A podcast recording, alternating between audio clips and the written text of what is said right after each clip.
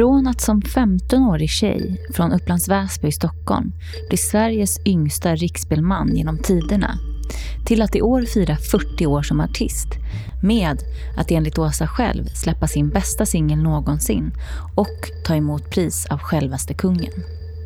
Åsa Ginder blev alkoholistungen med hela svenska folket när hon 1990 släppte diktsamlingen om hennes alkoholiserade mamma, Bli min mamma igen. Trots varningar om att det skulle kunna förstöra hennes karriär gjorde Åsa som hon alltid gjort. Hon gick sin egen väg. Åsa säger att hon inte kan identifiera sig som medberoende. Men kan det vara så att hon tidigt gav upp om sin mamma när hon i samband med föräldrarnas skilsmässa flyttade ihop med sin pappa? Kanske var det rent av så att det var hennes pappa hon var medberoende till. Åsa är nyutbildad samtalsterapeut och driver tillsammans med sin man Jonas foster och jourhem för ensamkommande pojkar. Vi talar om bekräftelse, drömmar, att stå utanför, gå sin egen väg och goda råd. Är de verkligen goda? Kanske fick även Åsa briljera lite med sin terapeuttalang. Avsnittet spelades in under kvällstid och en del störande ljud kan förekomma. Men vid ett tillfälle blir det en ganska magisk ljudeffekt. Håll till godo.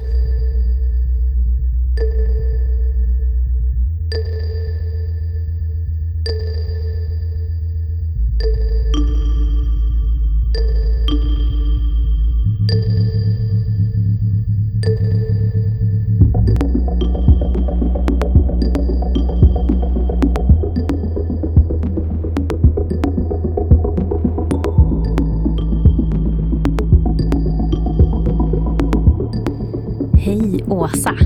Hej! Hej, välkommen! Tack! Du har ju haft en sån här superspäckad dag och det hände jättemycket i ditt liv. Vi brevväxlade, men vi mejlade lite grann tidigare. Och eh, det var liksom en lång, lång lista, framförallt på vad som ska hända 2016.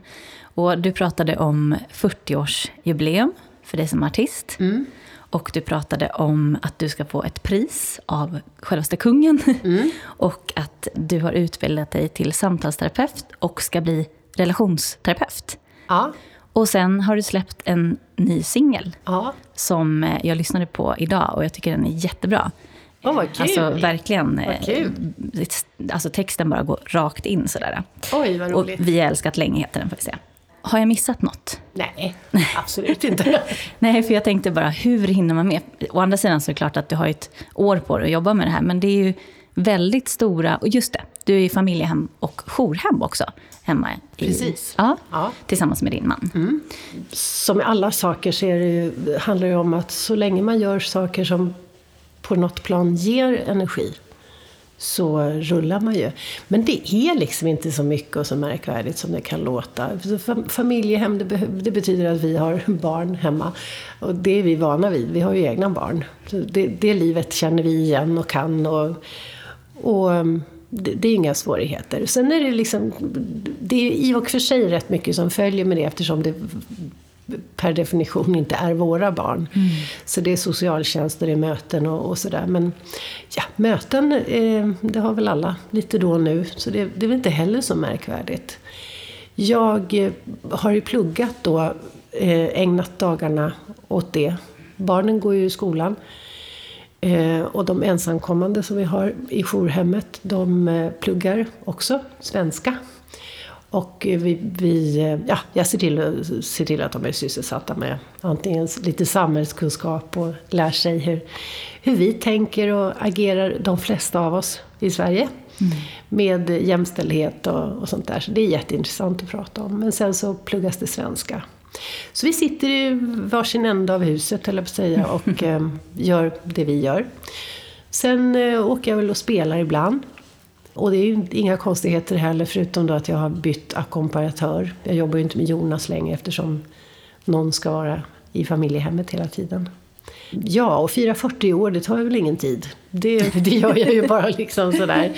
Men blir det Eh, inte att du får lite extra uppmärksamhet? Och... det vart, vart jättefint genomslag med singeln som vi släppte förra veckan. Då har jag haft en, en, en promotion-kille som då skickar ut eh, pressreleaser till eh, radio, tv och tidningar och sådär. Och, eh, och då fick han ju ihop kungamedaljen och nya singeln och 40-årsjubileet. Så att det vart det var lite göttigt sådär att skicka ut. Mm. Och eh, det hade stort genomslag. Det stod i varenda tidning att jag skulle ta emot den här kungamedaljen. Ja, och så kom, ju, ja, så kom ju singeln med på köpet.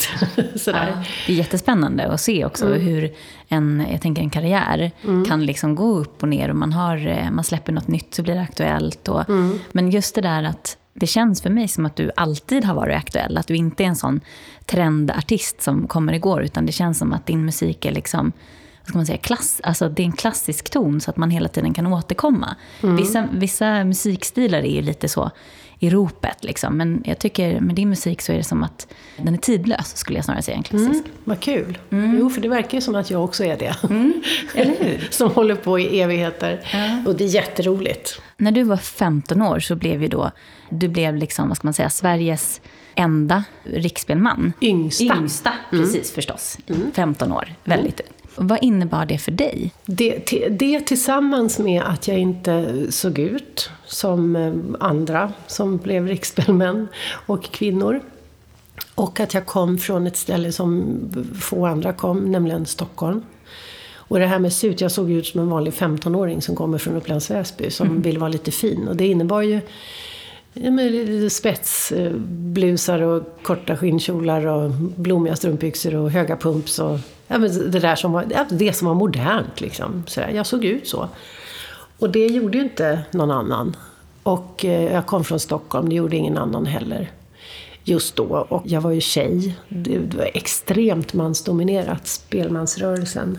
Och sen var jag så ung. Nej, du var inte den första tjejen? Utan det var, nej, absolut nej. inte. Men eh, då, då var det ju, det fanns ju inte så mycket framstående kvinnor som kunde vara liksom någon, jag hade ju ingen förebild. Nej. Eh, utan blev förebild själv. Eh, så det var, det var mycket saker som gjorde att jag blev medialt intressant. Så.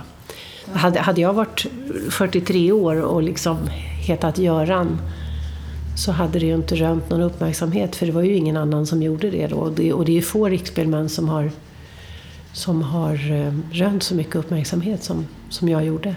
Men för de som inte vet, vad innebär det att vara riksspelman? Det är så här att inom folkmusiken så kan man säga att om man talar olika dialekter i Sverige så spelar man också på olika dialekter. Och det är ju traditioner som man har lärt sig av sin far och barnbarnet spelar. Eller så finns det någon gammal spelman i någon by som man åker till och lär sig. Och, och så kommer den traditionen vidare. Det är det är sånt, folkmusiken har ju gått i arv. Och då finns det då någonting som heter Zornjuryn och det gör den för att Anders Zorn samlade ett gäng spelmän eh, i början av 1900-talet när dragspelen invaderade Sverige. Och då tyckte han att nej, men nu måste vi vara lite rädda om de här som spelar fiol och faktiskt bär en tradition vidare som är svensk. Och, mm, så han delade ut ett märke och då fick de det. Det här var 1906. Eh, och det var Gesundaberget i Dalarna. Och när han dog så frågade Svenska ungdomsringen om man, hans änka om man fick fortsätta med det här, men då skulle man få spela upp. Så att man bevarar traditionerna och eh, så har det fortsatt. Så det man gör det är att ta en tradition och man översätter i språk, man lär sig skånska och låter verkligen som man gör i, i den byn där norr om Malmö där man pratar just precis sådär. Och då sitter det en jury som förmodas kunna urskilja och särskilja traditionerna och som är väldigt, väldigt duktiga på det. Och bedömer. Och eh, på min tid så handlar det ju om uttryck och teknik. Och idag så har man flera kriterier. Det handlar om utstrålning som spelman har jag hört, vilket är ja, lite märkligt. Eh, tycker jag. Att det heter Smelman också känns det ju som att... ja, det är ju, det är, jag är så van vid det så att jag säger det, men det är ju, jag är ju en spelkvinna. Ja. Såklart. Ehm, ja, så, och då spelar man upp och det tar i snitt sju år. Och man kan få ingenting, de flesta får ingenting. Sen kan man få diplom och sen är det bronsdiplom och så är det brons och det, så är det silverdiplom och så är det silver. Och jag fick silvret direkt då första gången jag spelade upp. Sen finns det ett guldmärke som de spelmän som, som har gjort någonting eh, särpräglat, som har stuckit ut, som har betytt, som har utvecklat, som har, ja, liksom där, de kan få ett guldmärke. Men hur kändes det då? Jag tänker folk som gör en karriär som, som artister, tänker jag. Mm. Då in, det innebär ju också en slags livsstil. Och jag tänker att den, det var ju kanske inte eh, sex, drugs and rock'n'roll liksom. Men jag tänker att... Du anar inte. Nej, det är, oj, oj, oj. Det, det, det är märkligt att man inte har tagit mer skada, kan jag tänka ibland. Alltså spelmansstämmor på 70 80-talet, det var, ju, det var ju så vilt. Det var ju som att åka på vilken festival som helst idag. Med precis samma ingredienser. Och som 15-åring då komma in mm. i det här, mm. tänker jag. Ja. Eh, jag började ju väldigt snabbt att spela, och det gjorde jag ju innan jag blev riksspelman också. Jag turnerade ju innan. Eh, men jag började ju, jag kom snabbt utanför folkmusikrörelsen. Så att jag, jag spelade faktiskt inte så jättelänge och så jättemycket just i de sammanhangen som på spelmansstämmor och sånt där. Jag slutade snabbt med det för att jag fick egna jobb, egna konsertjobb och så. Men eh, det, var ju, det gick ju vilt till. Och livsstilen blir ju liksom mer att man är en turnerande att man är en turnerande människa, som man, man åker liksom runt och spelar. Och det är väldigt speciellt. Jag pratade med en annan journalist om, om det idag. För vi satt och pratade om någon livsstil, jag kommer inte ihåg vad det var. Och så sa jag, ja nej, men det, det förstår man ju inte. Och så, så vart jag alldeles tyst. Så jag sa, fast å andra sidan är det ingen för, som förstår att man liksom åker världen och Sverige runt och liksom bara lirar.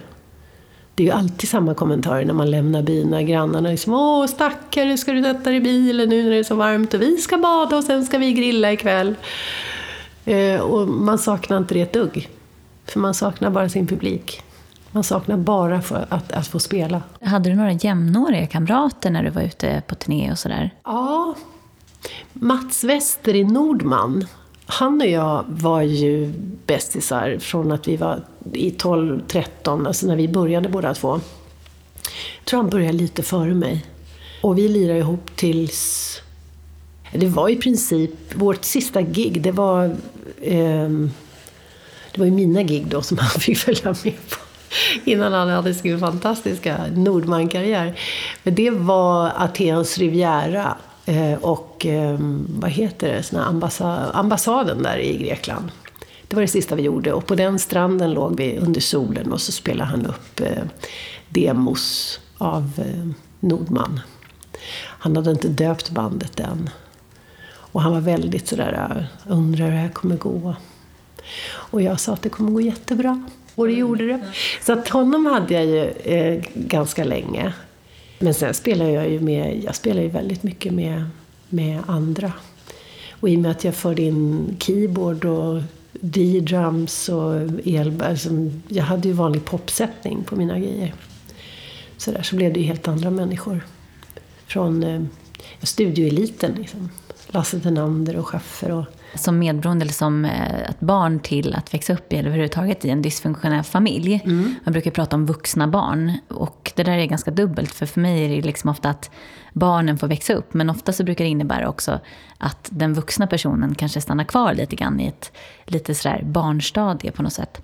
Eh, men det jag tänker då att dels att du växte upp då med din mamma mm. som eh, hade alkoholproblem. Mm. Där tänker jag att det, att det blir att man börjar anpassa sig och börjar ta en kanske lite mera vuxenroll än man egentligen skulle göra.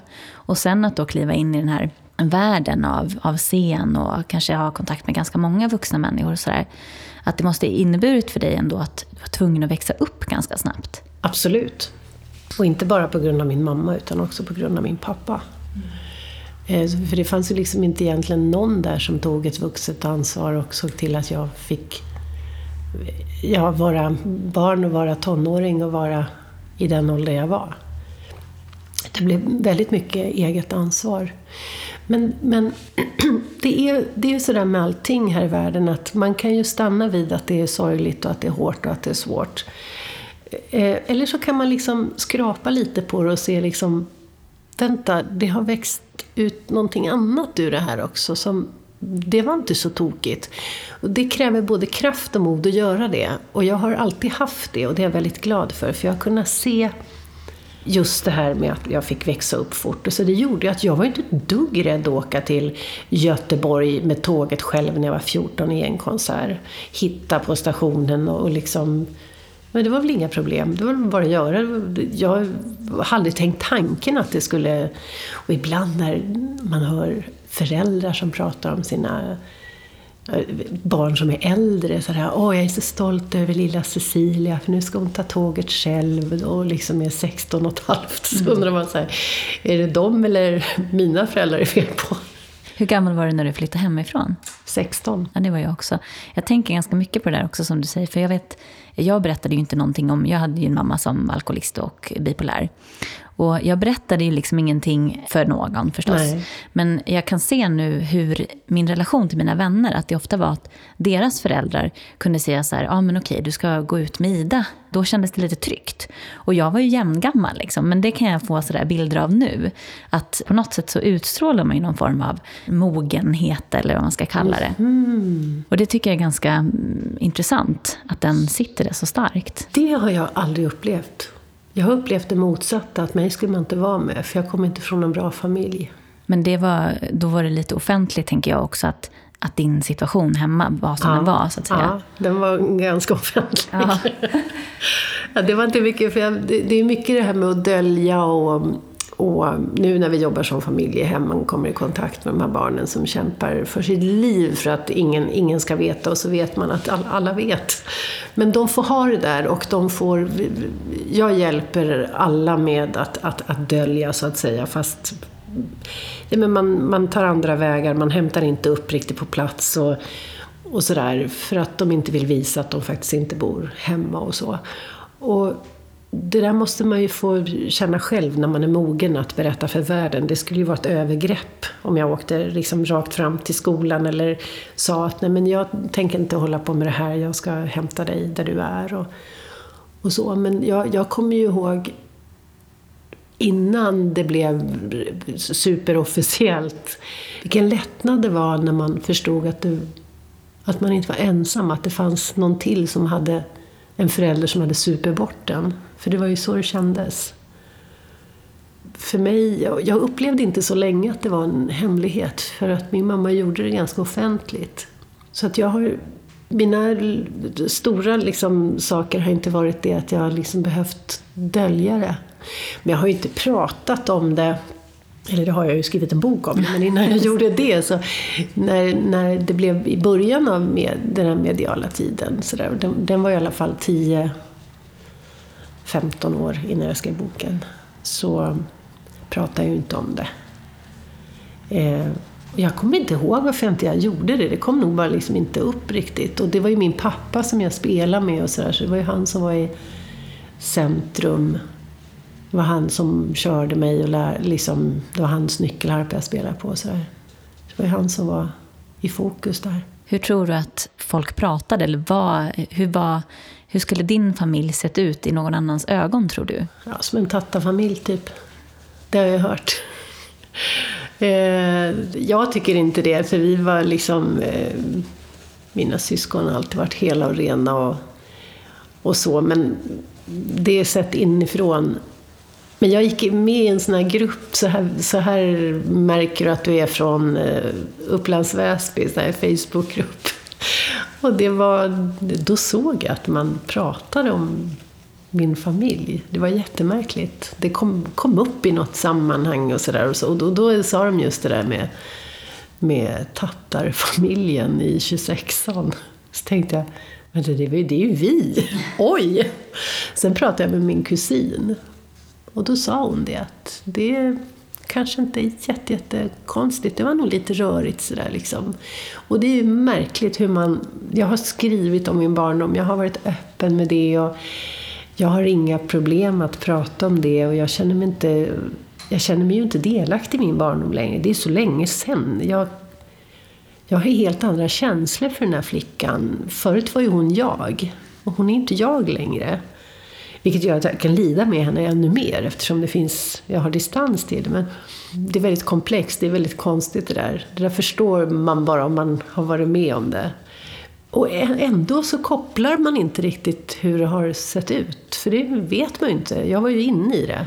Men såg du på er som en tattarfamilj? Nej, absolut inte. Vad var din bild av, av din familj? Familj. Ja, det är normalt det man lever i, man vet Ja. inte så mycket annat. Nej, och sen när vi skilde oss så liksom, vi var ju, jag tycker vi var högst normala till skilsmässan. Vi var väldigt duktiga syskon och fina, fina bröder och sådär. Och, och vid skilsmässan då så flyttade jag, några, då passade ju några på att flytta hemifrån och syrran flyttade ihop med en kille och sådär. Liksom, jag flyttade med pappa då och jag var ju själv där. Och då berättade tanterna när jag var på Konsum och handlade att det var mitt fel att mamma drack, eftersom jag hade lämnat henne. Så det förstod jag att så sa man, så pratade man. Sen var det lite ovanligt att man flyttade med sin pappa på den tiden. Det var ju 1976 det här. Jag visste ingen som hade skilda föräldrar som hade flyttat med pappan och skilda föräldrar var inte jättevanligt heller. Så det, det såg väl konstigt ut. Hur gammal var du när de skilde sig? Jag var ju i 11-12 års åldern. Jag är så dålig på de där exakta åren. Men det var ju där någonstans. Kan du se liksom din, ja, din barndom som ett före och efter? När de var ett par till att de skilde sig? Det är ju ett före och efter. Med en, en familj som sitter ihop så man inte har koll på att den faktiskt skiljer sig från andra familjer på något sätt. Och till att man lever med en förälder. Hur såg du på dina föräldrars relation när de var tillsammans? Inte bra. Det var så enkelt liksom, att du kände att det här, det här är inte bra. Nej, det- de hade väl inget roligt. De hade väl ingen glädje av varandra. Det har jag aldrig sett att de har haft. För det var din mamma som drack. Din pappa, drack han också? Eller? Mm. Nej. Och hur kunde det se ut? Alltså, hur, vad, hon, vad drack hon och hur ofta drack hon? Och... Det är så speciellt det här. Vi, det, vi är fem syskon och den äldsta är nio år äldre än mig. Så det är en, det är en barnaskara liksom på nio år. Och vi har ju olika barndomar. Och vi, har olika, vi har ju sett olika saker och över tid så ser relationer olika ut. Och när något barn föds så kanske det är en väldigt bra tid när till och med föräldrarna liksom är, till och med beter sig som att de tycker om varandra och är glada och lyckliga. Och när nästa barn kommer så är det någon annan period. Och jag har inte sett samma saker som mina, mina syskon har gjort.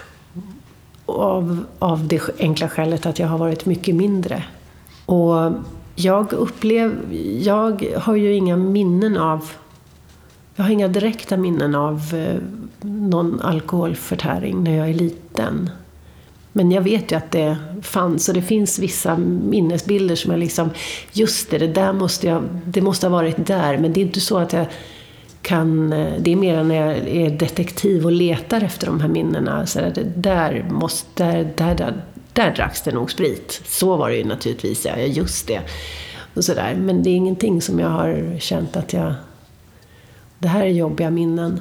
Det jobbiga var i skilsmässan när det blev liksom så väldigt offentligt och jag förstod och jag slogs av det faktum att hon är alkoholist. Det, det var liksom inget så här, oj vad händer, utan det var bara oj.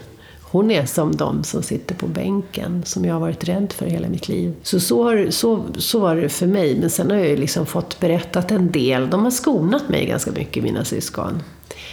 Ehm, jag har förstått att de led ganska mycket av att jag blev kvar. Att de kunde, de kunde gå.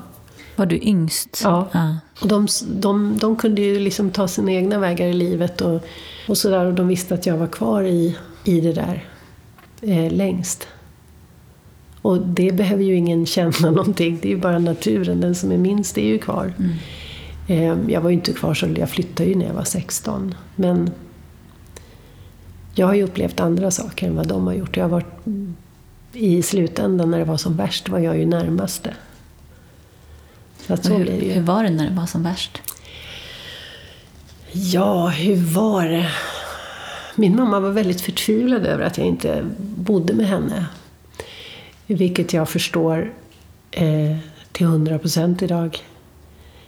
Eh, jag vet inte vad jag skulle göra om, om min flicka inte... Om, om hon gjorde samma sak vid en, liksom en skilsmässa. Det skulle ju kännas som jag tror att min mamma kände det. Och då hade ju hon ju spriten. Så, och hon hade ju spriten av flera anledningar. Och det största anledningen var ju att hon var alkoholiserad, har den alkoholistgenen. Men för sig själv förklarade hon nog sitt drickande med tråkig barndom och dålig koll överhuvudtaget. Och sviken av min pappa som gick och sviken av mig. Och... Uttryckte hon det i ord, att hon sa att hon var sviken? Eller? Ja, det gjorde hon. Hon talade om för mig hur hon tyckte om att jag inte bodde där. Och hon försökte till och med få det till att pappa inte var min pappa för att jag inte skulle bo där. Och hon hade alla möjliga saker för sig. Så det var ju, det var ju jätte, jättetufft. Jag var ju bara 12 år då. Och att granntanterna talar om för en att man har förstört sin mammas liv. Det är ju lite tufft. Det är fruktansvärt. Mm. Ja, det är det. Hur pratade, pratade du och din pappa någonting om det som pågick Nej. med din mamma? Hur var er relation? Han ville inte prata om min mamma och han ville prata om min mamma så var inte det så kul att höra på. Han var väldigt besviken på henne. Och förtvivlad över hur hon levde sitt liv och det är så man får förstå det. Jag, kan, jag sitter ju på många stolar, jag är en vuxen människa. Jag förstår hur människor reagerar och jag förstår också att när man blir sådär äh, maktlös som han blev, då blir man arg. Och i den här maktlösheten så finns det så många känslor av att man blir värdelös och ilska är ju så bra för människor för då känner människor att de lever, pulsen går upp och man, liksom, man är man är vässad, man är taggad, man är, man är, man finns när man är arg. Så det blir för många ett jättebra vapen. Och pappa var väldigt arg på mamma. Och det handlar om den här maktlösheten. Men det handlar ju om massa andra saker också. Så det var väl inte samtalsämnet nummer ett. Det var ju inget samtalsämne överhuvudtaget. Så jag hade inte honom Jag kunde inte prata med honom om hur jag kände eller hur jag led eller eh, och liksom säga att jag längtade efter mamma. Det, det hade jag ju aldrig kunnat säga. Gjorde du det? Ja, hela tiden. Det var ju det var ju så, det var ju så svårt. Jag, var, liksom, jag kom ju in i tonåren där. Jag behövde ju, jag behövde ju någon som var vuxen, som var kvinna, för att veta hur jag skulle bli kvinna. Och, och bli människa, och, och bli jag. Hur ska jag bli? Man behöver ju hjälp med det, man behöver förebilder, man behöver lyssna på dem som redan är, som har gått igenom. Man behöver veta tusen saker. Man har så många frågor och man har så mycket oro och man har så mycket för sig. Och jag hade, jag hade ju inte det. Jag fick ju ta det där helt själv och bli människa. Och det var ju likadant när jag blev mamma. Jag hade ju ingen förebild, jag hade ingen aning. Vad är, vad är det? Hur, hur är man då? Och då var det ju bara att göra som med allting annat. Jag får göra det på mitt sätt. Hur gammal var du när du blev mamma första gången? 22, mm. någonstans där. 22, 23. Mm. Ja, det är ju mm. ungt. Jag var väldigt ung. Jag gifte mig när jag var 21. Och så fick jag min pojk och sen så fick jag lilla Josefin. Mm. Kan du känna, du nämnde själv det där med, med gener och så. Var det någon rädsla för dig att, att det här skulle föras vidare på något sätt? Nej, jag har aldrig varit rädd för det.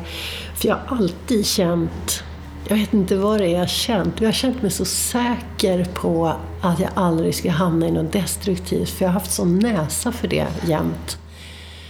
Eh, du vet när man, när man beger sig ut i tonåren och sådär. Liksom, jag kände direkt, här ska man inte vara.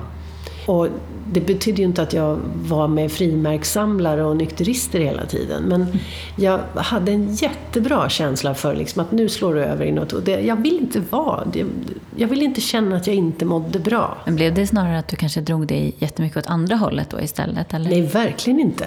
Jag har alltid druckit alkohol och jag har alltid eh, varit liksom... Jag har ju två sidor. Jag kan ju sitta på min kammare och skriva dikter men jag kan också dansa på borden. Och det har jag gjort och jag har många gånger sett jättemycket fördelar med alkohol. Det är kul. Man blir glad. Eller man ska jag inte säga, för det är verkligen inte man. Men jag, eh, jag har aldrig haft något nå problem med alkohol. Eller att det har liksom, man har ballat ur eller Nej, jag har haft ett bra, en bra relation till alkohol och inte blivit... Jag har inte satt mig i det sammanhanget och i samma sammanhang som min mamma på det sättet. Jag har tänkt att jag tänker själv och jag kan... Jag har inte de där grejerna. Jag är glad.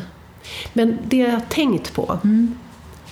det är när det gäller barnen. Jag har inte velat dricka i deras eh, närhet. Jag har inte velat...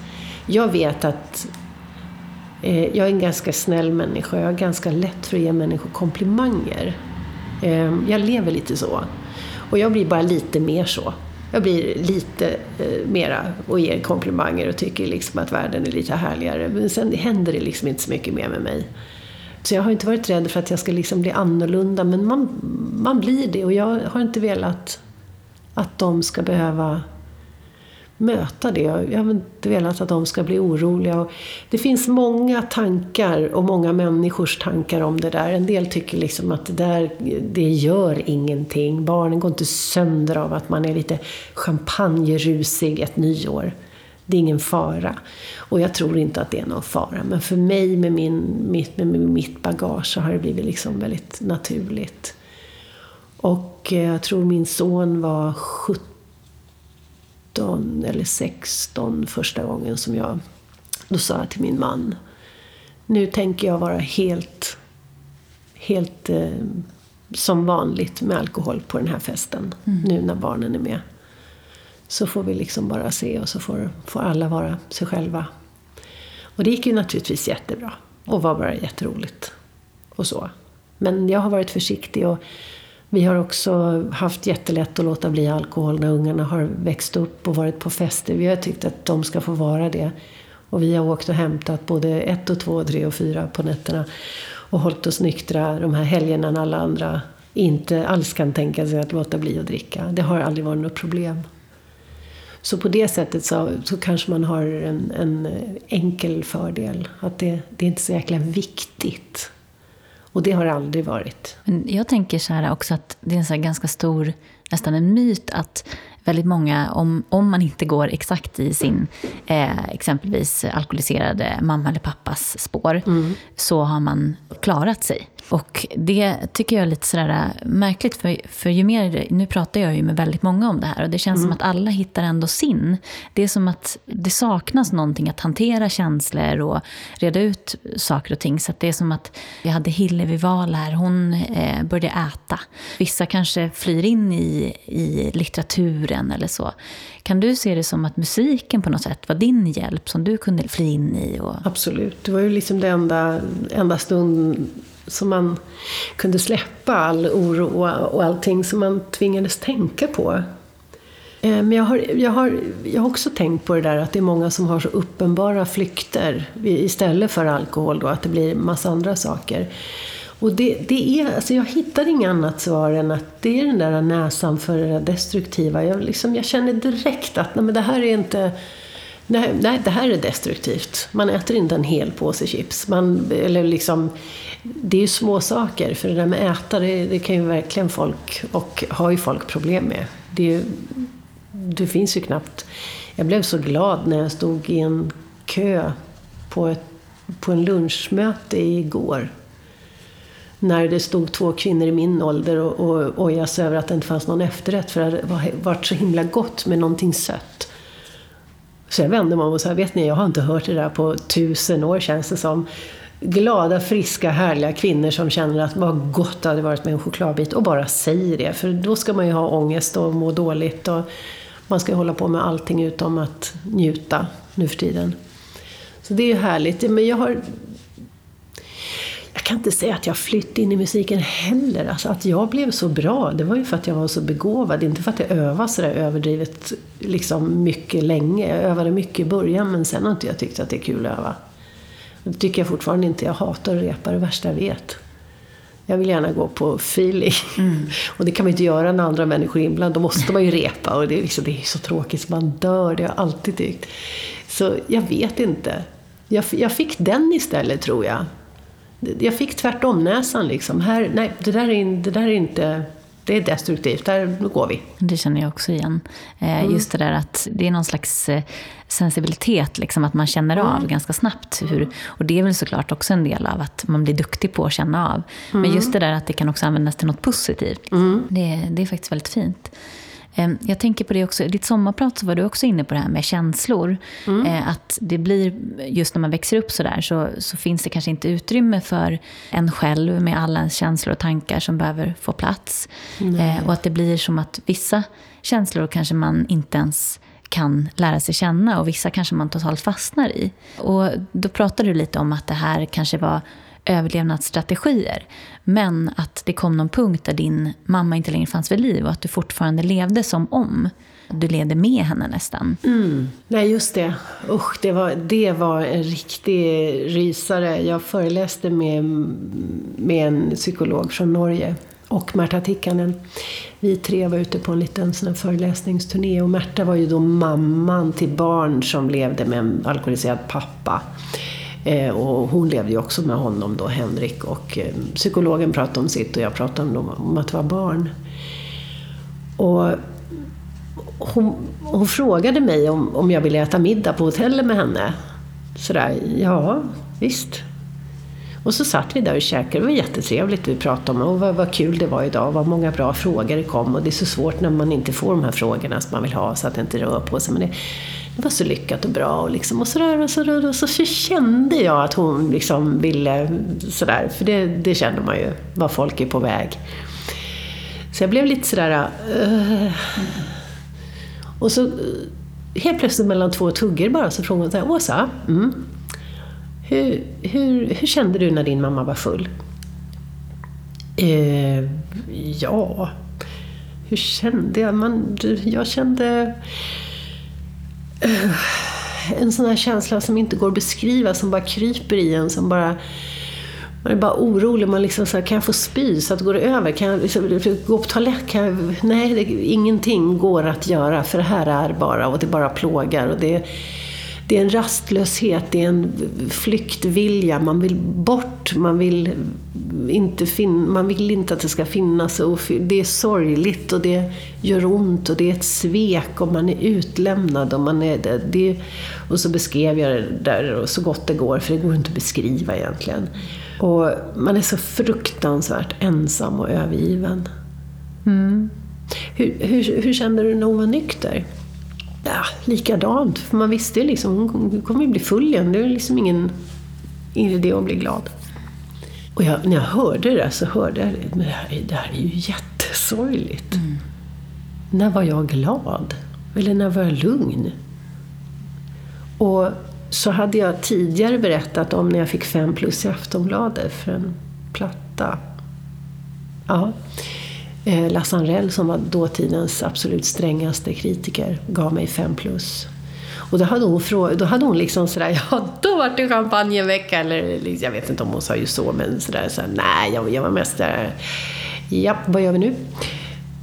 Och då sa hon det, att när jag hörde dig prata om hur du hade firat dina 5 plus, en, en, en, annan människa hade nog i alla fall satt sig ner och ätit en god middag och, och klappat sig själv lite på axeln och sådär. Du beskrev det som att du liksom bara, ja, nu, vad gör vi för nu? Nu ska vi ha en ny skiva. Hur gör vi den? Och när gör vi den? Och kan vi boka det? Och, och så. Du vågar inte stanna i det där. Nej. Nej, och det är det, är det där med din mamma. Det, du var ju inte glad när hon var nykter, för hon kunde bli full. Och du firade inte din skiva, för nästa skiva kanske inte skulle bli så bra. Och det där är överlevnadsstrategier, Åsa. Och de måste du släppa nu. För din mamma är död. Det finns ingenting att förhålla sig till där. Du ska leva och du ska vara glad. Och det var sådär, för varenda ord som hon sa, jag lutade mig längre, längre, jag höll på att blåsa av stolen. Det var så sant och det var så riktigt. Och jag tänkte, tänk att man kan få ett gott råd i livet. Det hade jag aldrig fått. Nej. Så här, tänk, och liksom, jag kommer ju från en tankevärld där människor stannar inte, människor hjälper en inte. Det finns ingen för en, man får göra det själv. Och, och det blir inte så sorgligt till slut, för det bara liksom är så. Och att, att få någonting sånt där med sig av någon bara sådär mellan två tuggor på en middag, det var ju hur stort som helst. Det var verkligen en revolution i mitt liv och jag tog verkligen hon hade ju den där intuitiva känslan av att jag skulle kunna ta det. Det var därför hon sa det. Hon hade ju aldrig gjort det annars. Och jag tog det verkligen. Och det var ju början på en liksom, resa där jag lärde mig för varje gång det hände någonting som var bra att faktiskt stanna upp. Och det, det sker ju inte på, på en gång. Det sker ju på kanske tio år. Att man... Så sista, sista lektionen fick jag av min man när vi när jag hade skrivit av Längtan till dig och den blev en sån succé. Då, han köpte ju champagne hela tiden. Men det här måste vi fira och det här måste vi fira. Och till slut så blev det liksom en, en sån bra vana. Det är det man gör. Det är liksom han, han, han bara... Han fick det att fästa i mig. Det är det man gör. Man firar ju. Så nu för tiden firar jag precis allting. Nu ser jag ju, och nu tycker jag liksom det är onödigt att inte fira något varje dag. Bara för att det är det man ska göra. Det finns så mycket att fira, det finns så mycket att vara glad över. Och jag har inga överlevnadsstrategier längre. Jag kan leva. Hur gör man för att bli av med dem ens? Det är ju sådär med mottaglighet och med goda råd och med analyser och psykologer och, och allt det där som vi tar till för att förstå oss själva och omvärlden. Ibland är vi mogna för det. Och ibland är vi inte det och då tar det längre tid och då är det svårare och ibland är det inte riktigt rätt råd vi får heller. Hon prickade helt rätt. Men det, det, det, var ju inte där och då. Jag förstod det bara. Men som vi alla vet, det är en evighet mellan huvudet och hjärtat. Och att eh, det är så många människor som häver ur sig så mycket liksom, klokskaper. Men det liknar ju bara sådana där ordstäv som man har på vykort som man sätter på kylskåpet. Folk är ju inte så grundade alltid i det de säger. Och det gäller ju att hitta de där människorna som är grundade och, och lyssna på det. Men sen är det också så här att jag tror att den här längtan efter att bli hel och längtan efter att fungera som alla andra, bilden av vad som är normalt, bilden av hur andra har det, det är ju en djungel. Och man kanske bara ska låta den vara. Man kanske inte ska gå där med sin li och försöka hugga sig fram för att hitta liksom det där perfekta. För vi är präglade av det här, alla vi som har växt upp i det här. Och det man kan göra, det som jag tror är jätteviktigt, det är att förlåta sig själv för att man är så knäpp som man är. Och med de knäppa grejer man har för sig. För det finns nämligen ingenting som är knäppt. Vi är människor och vi, man måste få vara det. Och man måste få vara präglad av det här. Det här är ingenting som vi absolut maniskt ska plocka bort från oss. För det präglar oss också på ett fint sätt.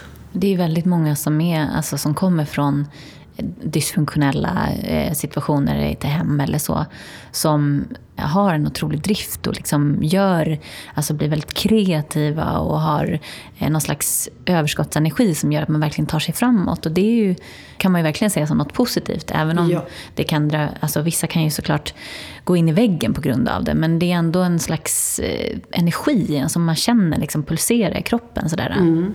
Jag, tror att vi, jag tror ju att vi är precis som alla andra. Jag tror inte att det, det, Jag har alltid värjt mig för den här bilden av alkoholistbarn för att vi, vi är ju precis lika annorlunda vi som är. Om vi skulle vara tio stycken kring det här bordet så skulle vi vara väldigt olika varandra. Men vi har samma bakgrund. Vi gör ju olika saker med det för att vi är olika, vi har olika genuppsättningar. Man är olika som människa. Och jag tror ibland är det bra att koppla bort det där och bara vara människa. Så här, så här är jag. Och finns det ens någon som har en lycklig barndom? Alltså det känns lite sådär, alla har väl sina sår? Det är ju det som är grejen. Det är det som är grejen. Och det, när man, det tror jag är en bra sak att, att eh, försöka förstå och kämpa för att försöka få en insikt om att alla människor bär en historia. Det är så, det, det är så få människor som inte har en sorg som har präglat dem. Eller någonting annat. Mm. Det, det, finns inte och det, Jag, jag kan tycka sådär lite mellan skål och vägg när man träffar människor som har ganska lite av trauman. Alltså, det är rätt trista människor. Jag kan tycka det. det de, de fattar ju ingenting. Sådär. Och nu är jag så kategorisk, som jag sa, är min absolut sämsta sida i en intervju jag gjorde innan jag kom hit idag. Säg en dålig sida, jag är kategorisk, jag kan vara väldigt Nu var jag det. Ehm, men sån är jag. Jag kan känna igen det. Jag kan nästan få den här känslan av vad döljer den här personen? Vad är det som den liksom vägde vill släppa fram? Mm. Eh, och det kan ju både bli lite frustrerande, att man blir nyfiken och vill gå och dra lite där. Mm. Men också, precis som du säger, att det känns lite sådär ointressant. Det är mycket mm. mer spännande att sitta och, och, prata med någon som har, dels som kanske är lite öppen med sina grejer och, och som också kan, kan säga att liksom, jag har haft det tufft och så här mår jag idag. Och att det finns liksom en annan man säga, ett annat djup. Det är, det är ju det. Men sen en annan grej som man gör som alkoholistbarn, det är att man känner igen andra alkoholistbarn direkt. Det tycker jag. Mm. Och det är lite fascinerande. Det kan jag, jag kan peka ut liksom, den där har samma bakgrund som mig, den där har samma bakgrund som mig. Och ändå är man väldigt olika.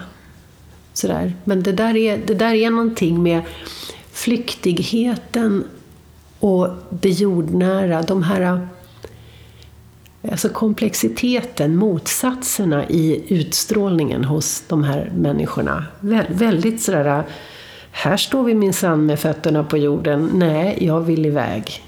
Den där utstrålningen, det har nästan bara människor som, som vi. För du skrev ju då en bok mm. om det här och jag tyckte det var intressant för du nämnde då eh, att som barn så såg man din familj som en tattarfamilj eller dig som ett tattarbarn. Ja, I alla fall någon gjorde någon det. gjorde det. Ja, som precis. skrev det i Facebook. Just det, exakt. Eh, den får kanske stå för det då. Men, ja. men vi säger det. Och du mötte ju ganska mycket motstånd när du ville skriva den här. Just för att det fanns någon slags oro för att du skulle bli förknippad som alkoholistbarn och mm. inte liksom mm. den här Åsa som du hade byggt upp utåt sett, om man mm. säger. Mm. Vad kände du när du fick det, den, det bemötandet? Det var jättespeciellt och nu när jag tänker på det idag, för det är ju fortfarande tabu. Och att jag gick ut och jag, jag var ju liksom, eh, jag hade ju verkligen höjd på min karriär. Hade jag hållit på ett tag men det, jag var ju väldigt framgångsrik och ansågs ju liksom vara framgångsrik och då är man ju lycklig och då är man ju allt det där som folk tror. Jag, jag har ju alltid skrivit dikter och eh, jag var publicerad i en tidning och så ringde Bonniers och frågade om det fanns någon story bakom den där dikten och den handlade om att min mamma var död. Och det var på det sättet jag hade skrivit den som de, de kände att eh, det här är inte bara en mamma som har dött, det här är en historia. Mm. Och så sa jag det, jo det, det, finns väl en historia, det kan man ju säga. Vill du skriva den? Jaha, det vill jag göra. Och där gick ju min dröm i mål. Jag har ju alltid drömt om... Jag vann en dikttävling i Expressen när jag var sex år. Och jag har ju skrivit dikter sedan dess. Eh, min dröm var ju att bli författare. Det var det jag ville bli var min teckning i skolan och fröken sa att vi skulle rita vår framtid. Då ritade jag ett skrivbord där jag satt och så hade jag åtta barn utanför poängen. Eh, jag satt vid ett fönster. Och så hade jag en sån här fjäderpenna och så satt jag och skrev. Och så sa fröken, är det inte något som fattas? Och jag tittade på den där, det var skrivbordet, fjäderpennan och så var det eh, dikten och utanför poängen lekte de åtta barnen. Det var allt jag ville ha och drömde. Nej, så jag, vad skulle det vara? Har du ingen pappa till barnen? Nej, det hade jag inte tänkt på. Han fick inte plats vid skrivbordet? Nej, han, han var ute och jobbade. nej, det, det, det, det för, nej, jag ville ha många barn. Men det, det, något annat drömde Det liksom fanns ingen romantisk eh, dröm om någon kärlek eller något sånt där. Så den drömmen eh, eh, blev ju sann när jag fick debutera på, på Bonniers. Men så berättade jag det här för min skivbolagschef. Jag var ju så himla glad. Och, och han blev ju jätteglad, vad roligt. Och liksom, vad, jaha, vad, vad, vad ska det handla om? Vad är det för dikter? Vad, liksom, vad skriver du om då? Så, nej, jag ska skriva om min, min, min mamma. Jaha, vad var det med hon då? När hon var alkoholist? Men det kan du inte skriva om. Jo, Vadå, ska du, skri ska du skriva om att du är en alkoholistunge? Ja. ja, men det kan du inte göra. Då är din karriär slut. Och då, då tänkte jag lite grann så tänkte jag att är det så hårt? den här bakgrunden jag har, ska jag skämmas så otroligt för den? Är det så hårt att, att jag liksom inte kan säga det högt? För då är allting över. Då ska jag fan säga det. Jag ska säga det högt och många gånger. För det måste, det måste någon ändra på. Och är det ingen annan, då får jag göra det. Vilket mod, tänker jag. Direkt. Direkt. Jag vart rebell. Jag vart jag liksom sådär. Herregud, jag blev väl inte sämre att spela för det. Jag blev inte sämre människa för det. Jag har fortfarande mina barn och min man och min, min båt och min allt jag hade. Det, det, vad, ska, vad bli förändrat? Det är människors bild av mig, men den får de ta hand om själva. Mm. Det kände jag direkt. Jag var ju tuff. Jag var jättetuff. Så jag skrev boken. Och vilket liv det blev. Men det var ju positivt. Vad var det för reaktioner du fick? Nej, det var jättebra reaktioner. Alltså för det första sålde den ju mer än någon, någon annan diktsamling jag hade gjort på hundra år på Bonniers. Det var, ju, det var ju ett sånt rekord. Det var väldigt mycket media kring det här och liksom, jag fick ju verkligen ut det här för att jag var ju sedd som den framgångsrika, unga, duktiga och så var ju mamma, det var ju så gulligt, jag hade gjort hemma hos och två söta lintottar hemma och väldigt gulligt och, och rejält på alla sätt och vis. Och, och, så där. och så hade jag den här hemska bakgrunden då. Och en mamma.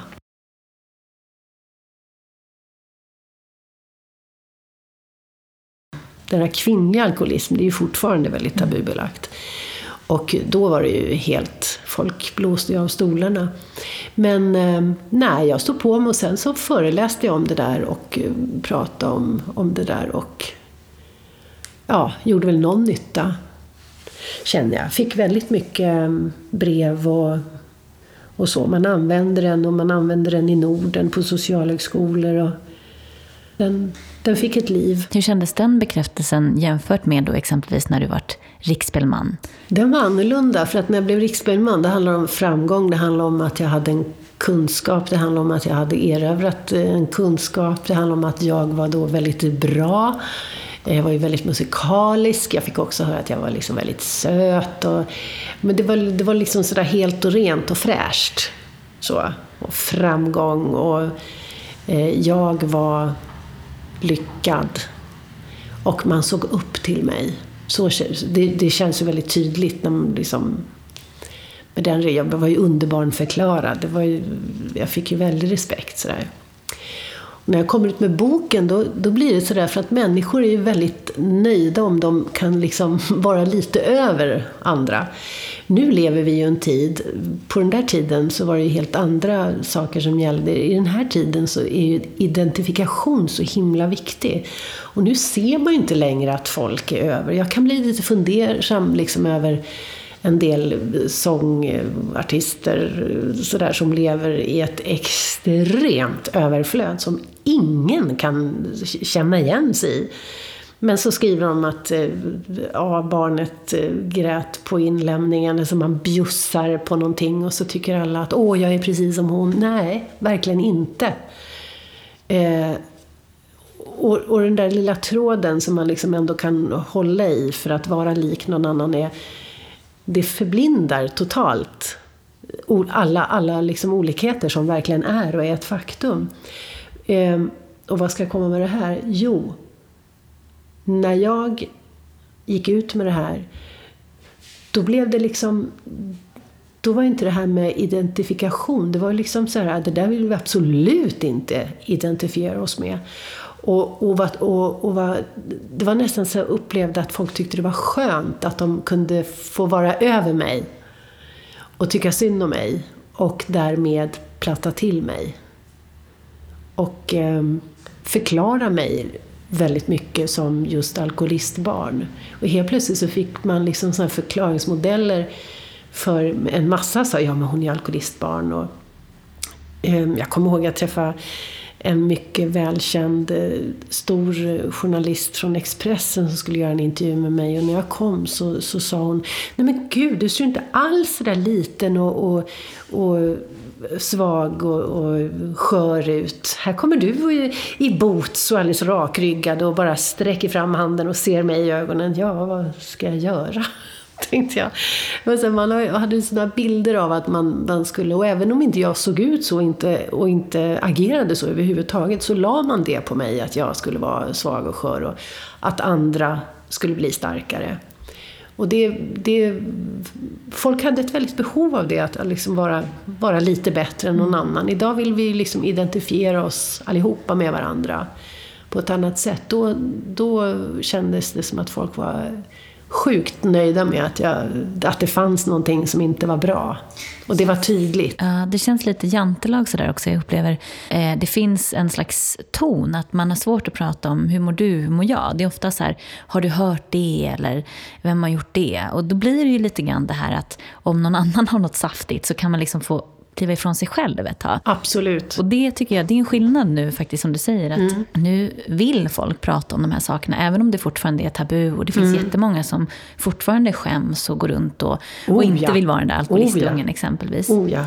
Men det, det är ju, och det tycker jag är ganska häftigt att du, för det här var ju 1990 ja. och du var 27 år mm. när du gav ut den. Mm. Det är också ganska ungt att behöva ta emot liksom alla de här mm. åsikterna tänker jag. Mm.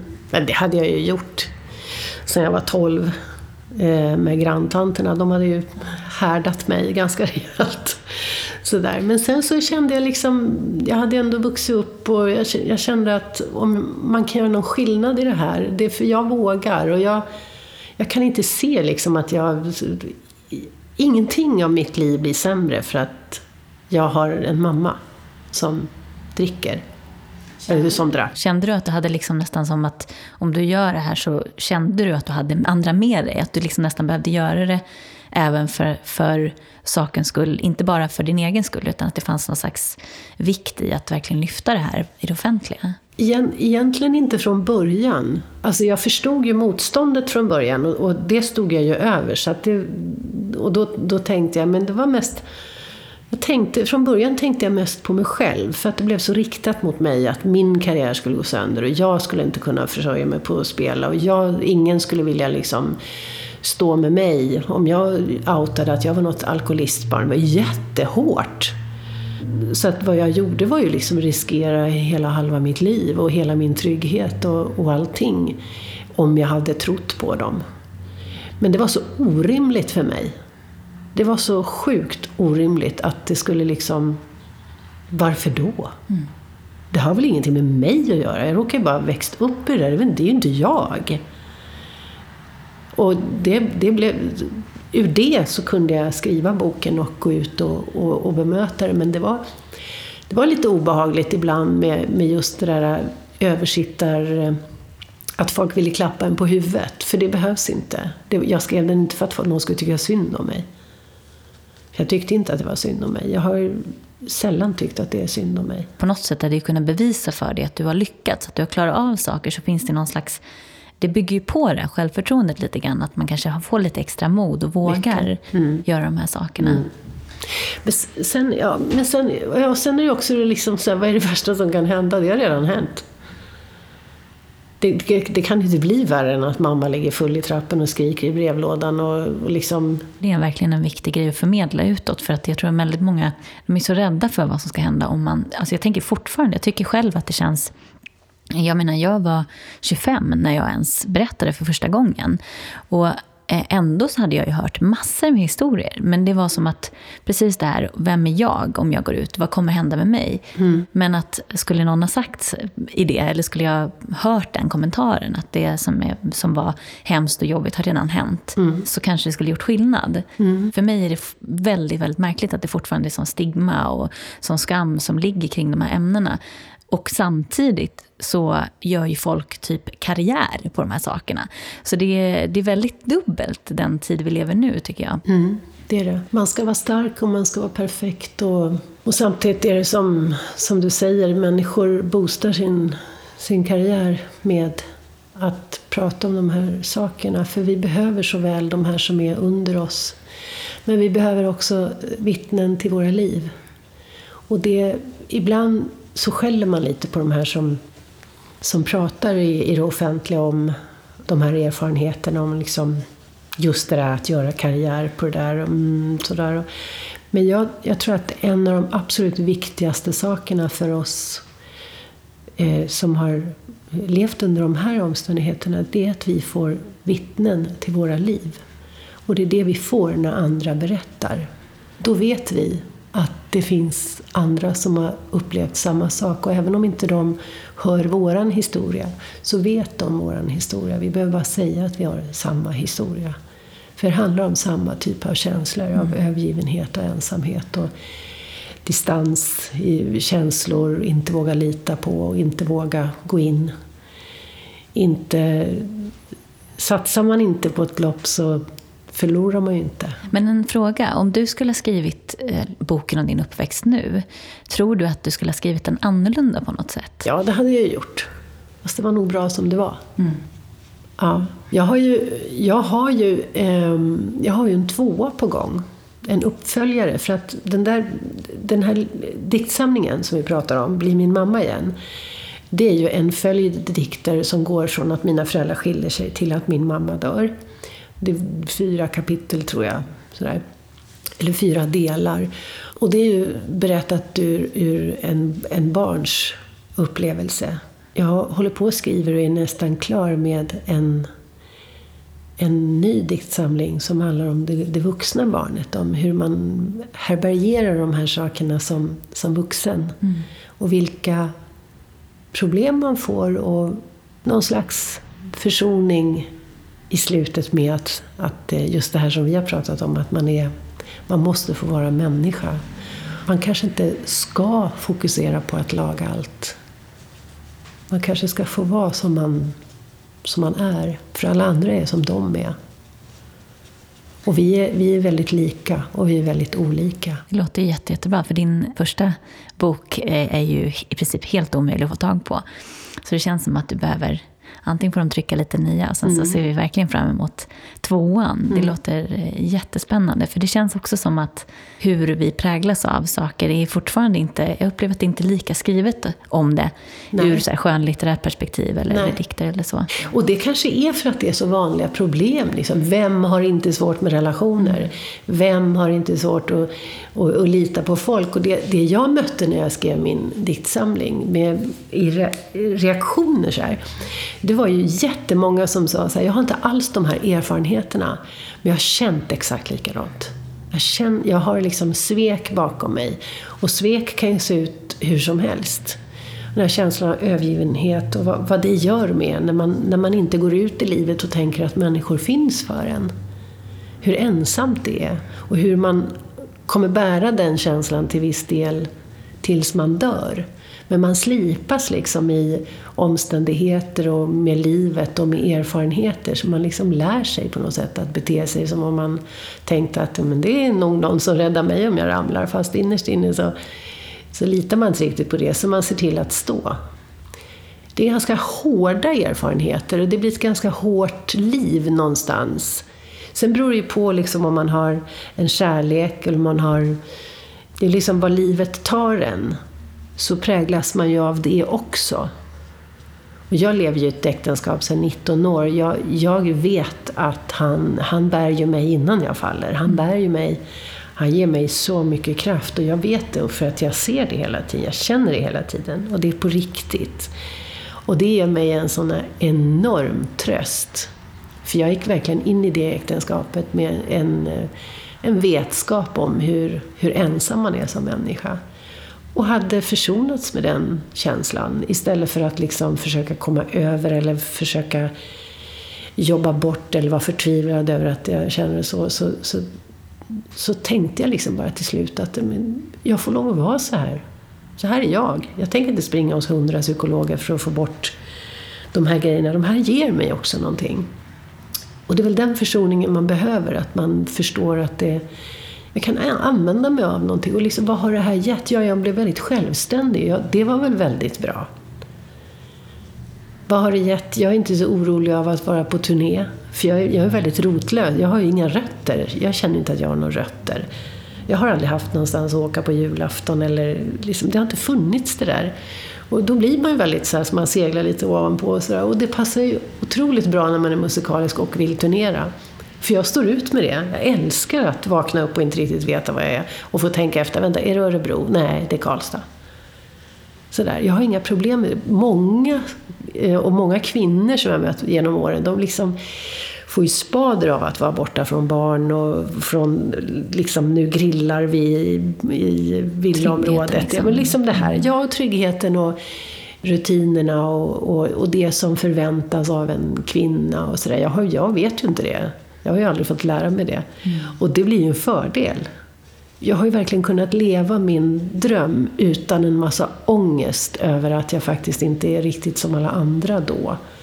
För att jag har den här rastlösheten, jag har rotlösheten och kärlek tycker jag du har. Det känns som att du ja, det utstrålar jag. det. Och även jag tänker när du skriver ja. så känns det som att du, det är som att det bara pyser ut en massa kärlek i det du gör. Och det kan ju vara en jättedrift, tänker jag. Ja, det är det. Ja, det är ju det. Det är ju det jag försöker säga med Jonas. Mm. Med liksom den här kraften som han... Att han, eh, han tror så himla mycket på mig. Han är ju helt sjukt galen i det. Sådär. Och det, det, behöver jag, för jag, liksom, jag kommer noll. Han har ju blåst liv i det som ingen annan har kunnat gjort på det sättet.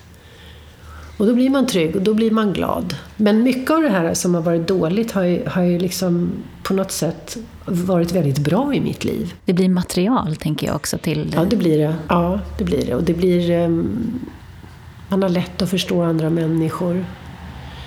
Uh, man borde inte bli så kategorisk.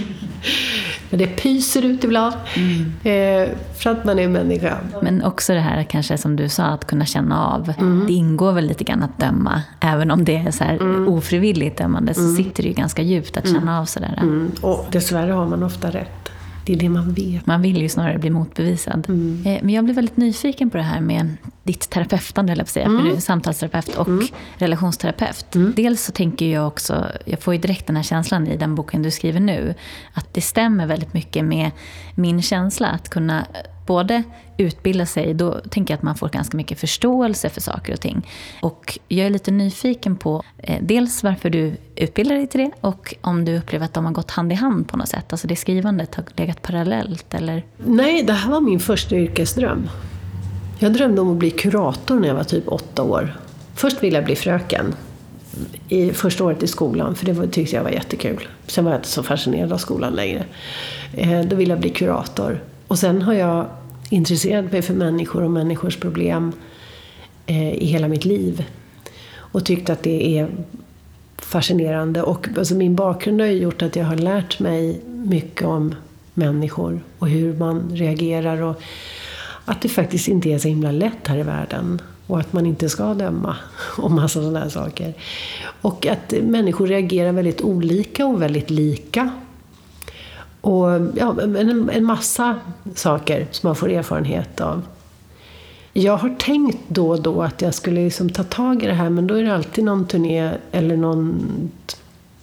Sist jag tänkte, då ringde Malena Ernman och då, då skulle vi göra massa saker. Och nu tänkte jag i förra året, i början på året, så tänkte jag liksom den där tiden. För då slog det mig igen. Det har ju inte slagit mig så himla många gånger men då slog det mig, liksom, den här tiden, ungefär som att liksom skaffa barn. Det finns aldrig någon tid för att skaffa barn, det är bara att skaffa barn. För barn ångrar man inte.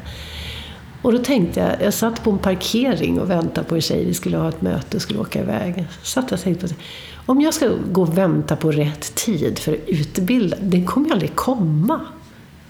Ja, det är bara att göra. Så gjorde jag det. Jonas sa ju det, för jag hade ju pratat lite om det, lite, liksom, lite mer under 2014 kan man säga, så återkom jag till det, liksom, att det skulle vara så himla kul. Jag, så, Åh, jag, skulle vilja, jag skulle verkligen vilja det. Och så, då, så sa han så här att ja, men det är väl bra om du utbildar och får betalt för det du gör hela tiden. För det är det där du ägnar dig åt. Du ägnar dig så himla mycket åt att hjälpa människor att komma framåt i livet.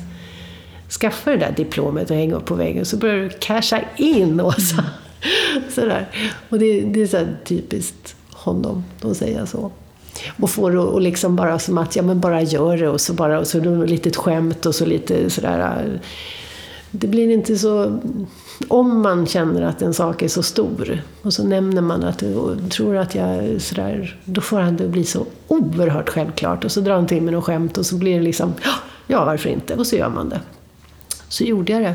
Och det, det är för att jag har alltid varit intresserad av det där. Jag har alltid tänkt på det som det jag skulle ha gjort om jag inte hade blivit musiker. Hade definitivt, och sen är jag en bror som är psykolog. Så att det, det finns ju liksom i närheten av mig. Och har alltid varit ett stort intresse. Så jag, jag kände bara, och när jag började läsa det där så, så kände jag att jag har aldrig i hela mitt liv känt att jag varit så rätt. Inte ens med nyckelharpan, för det var ju knöligt från början. Det här var inte ett dugg knöligt. Det var bara liksom, ja, just det. Och så vände jag blad. Ja, precis. Ja. Jättemycket ja, men bekräftelse av det jag tänkte. Det var lätt att ta in och otroligt roligt. Och sen väldigt roligt, stort och magiskt. På riktigt magiskt. Det är ett sånt missbrukat ord. Men det är magiskt. Att ta emot en klient som tror att den har ett problem, som har ett helt annat problem. Och efter åtta sessions få höra att nu tycker jag om mig själv för första gången i mitt liv. Alltså det finns inget större. Det är så otroligt rörande. Är det. Och att man kan få göra det. Och jag, jag pratar ganska mycket under mina konserter och det är inte sällan som folk kommer fram och är tårögda och, berörda av sångerna och, och mitt prat och sådär. Jag tycker det är fantastiskt. Ehm, men inte alls på samma sätt som när jag har en hel människa och en hel människas liv i ens hand. Och man, jag känner att jag har den där intuitiva delen som man måste ha. Och tror det eller ej, jag är en väldigt bra lyssnare. Jag är jätteduktig på att lyssna. Och det där med att lyssna aktivt, att inte bara höra vad folk säger utan att hela tiden arbeta med det man hör och reflektera, analysera och ta till den här kunskapen och den här tekniken som det handlar om väldigt mycket. Otroligt utvecklande och roligt. Jag är jättelycklig. Under den här tiden jag studerade, Jonas har berättat om hur liksom han kom hem och jag studsade ut från mitt kontor och bara lyste som en sol. Och bara, jag är så lycklig Jonas, tack för att du såg till att jag gjorde det. För det var ju han som gav mig en spark i baken.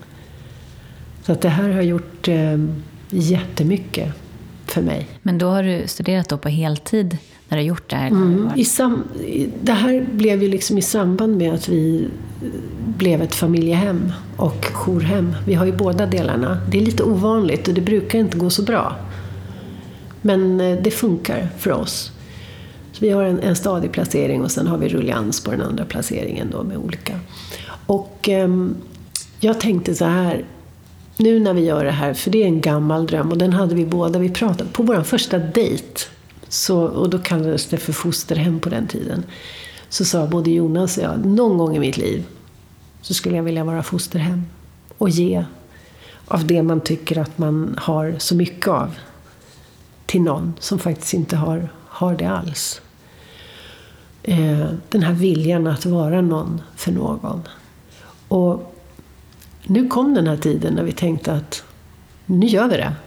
Och i det så kom jag på att ja, men, det här kommer ju kräva att jag inte eh, beger mig ut på eh, sammanhållna turnéer. Det här kommer kräva att jag måste gå ner lite i turnerande. Eh, då studerar jag ju. Och då sa jag det till Jonas. Tror du... Ja, självklart.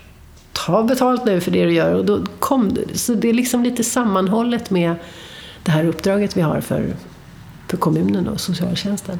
Men upplever du att, att folk blir liksom så här, va? Ska det vara det nu? Eller vad får du för reaktioner på det?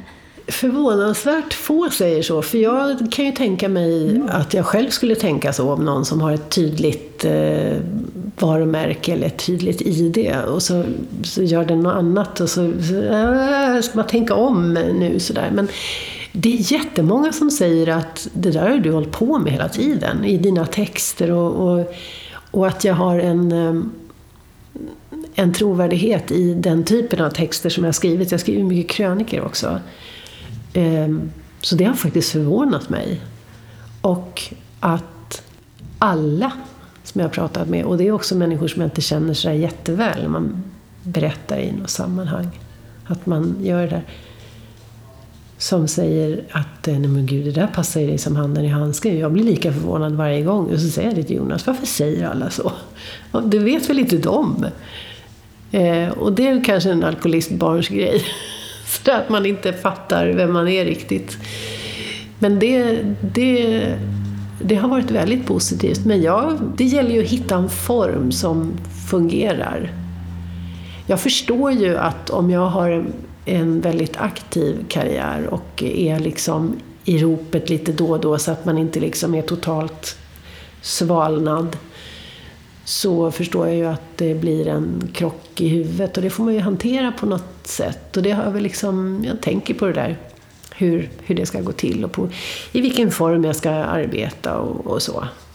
Nu känner jag ju själv liksom, jag är ju verkligen inte den hetaste artisten på artisthimlen och jag, det kommer ju inte liksom bli mer och mer. Utan det, alltså jag har hållit på i 40 år. Det borde liksom verkligen gå ner och det bestämmer man ju själv också. Jag, jag tänker att det där inte behöver bli ett problem. Om jag inte gör fullständigt bort mig så har jag någon slags trovärdighet. Jag har ganska gott självförtroende när det gäller den biten. Jag tänkte säga det, för det, du nämnde det här med kvinnorna som är så här, oj att du kan ge dig ut och sådär, vara borta från familjen. Mm. Nu har inte jag några barn eller så, men jag kan känna igen det här att den här icke-rädslan, alltså att det är någon slags, man drivs av någonting annat. Det är inte det här äh, förväntningar och så, utan det är liksom, man är förbi det.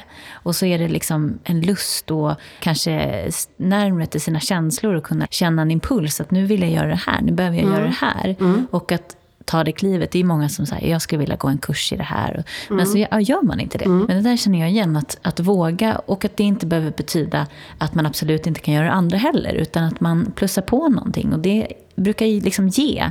Gör man någonting man mår bra så ger ju det tillbaka i det andra man gör också. Absolut, men tror inte du att den här, det här modet som du beskriver nu, mm.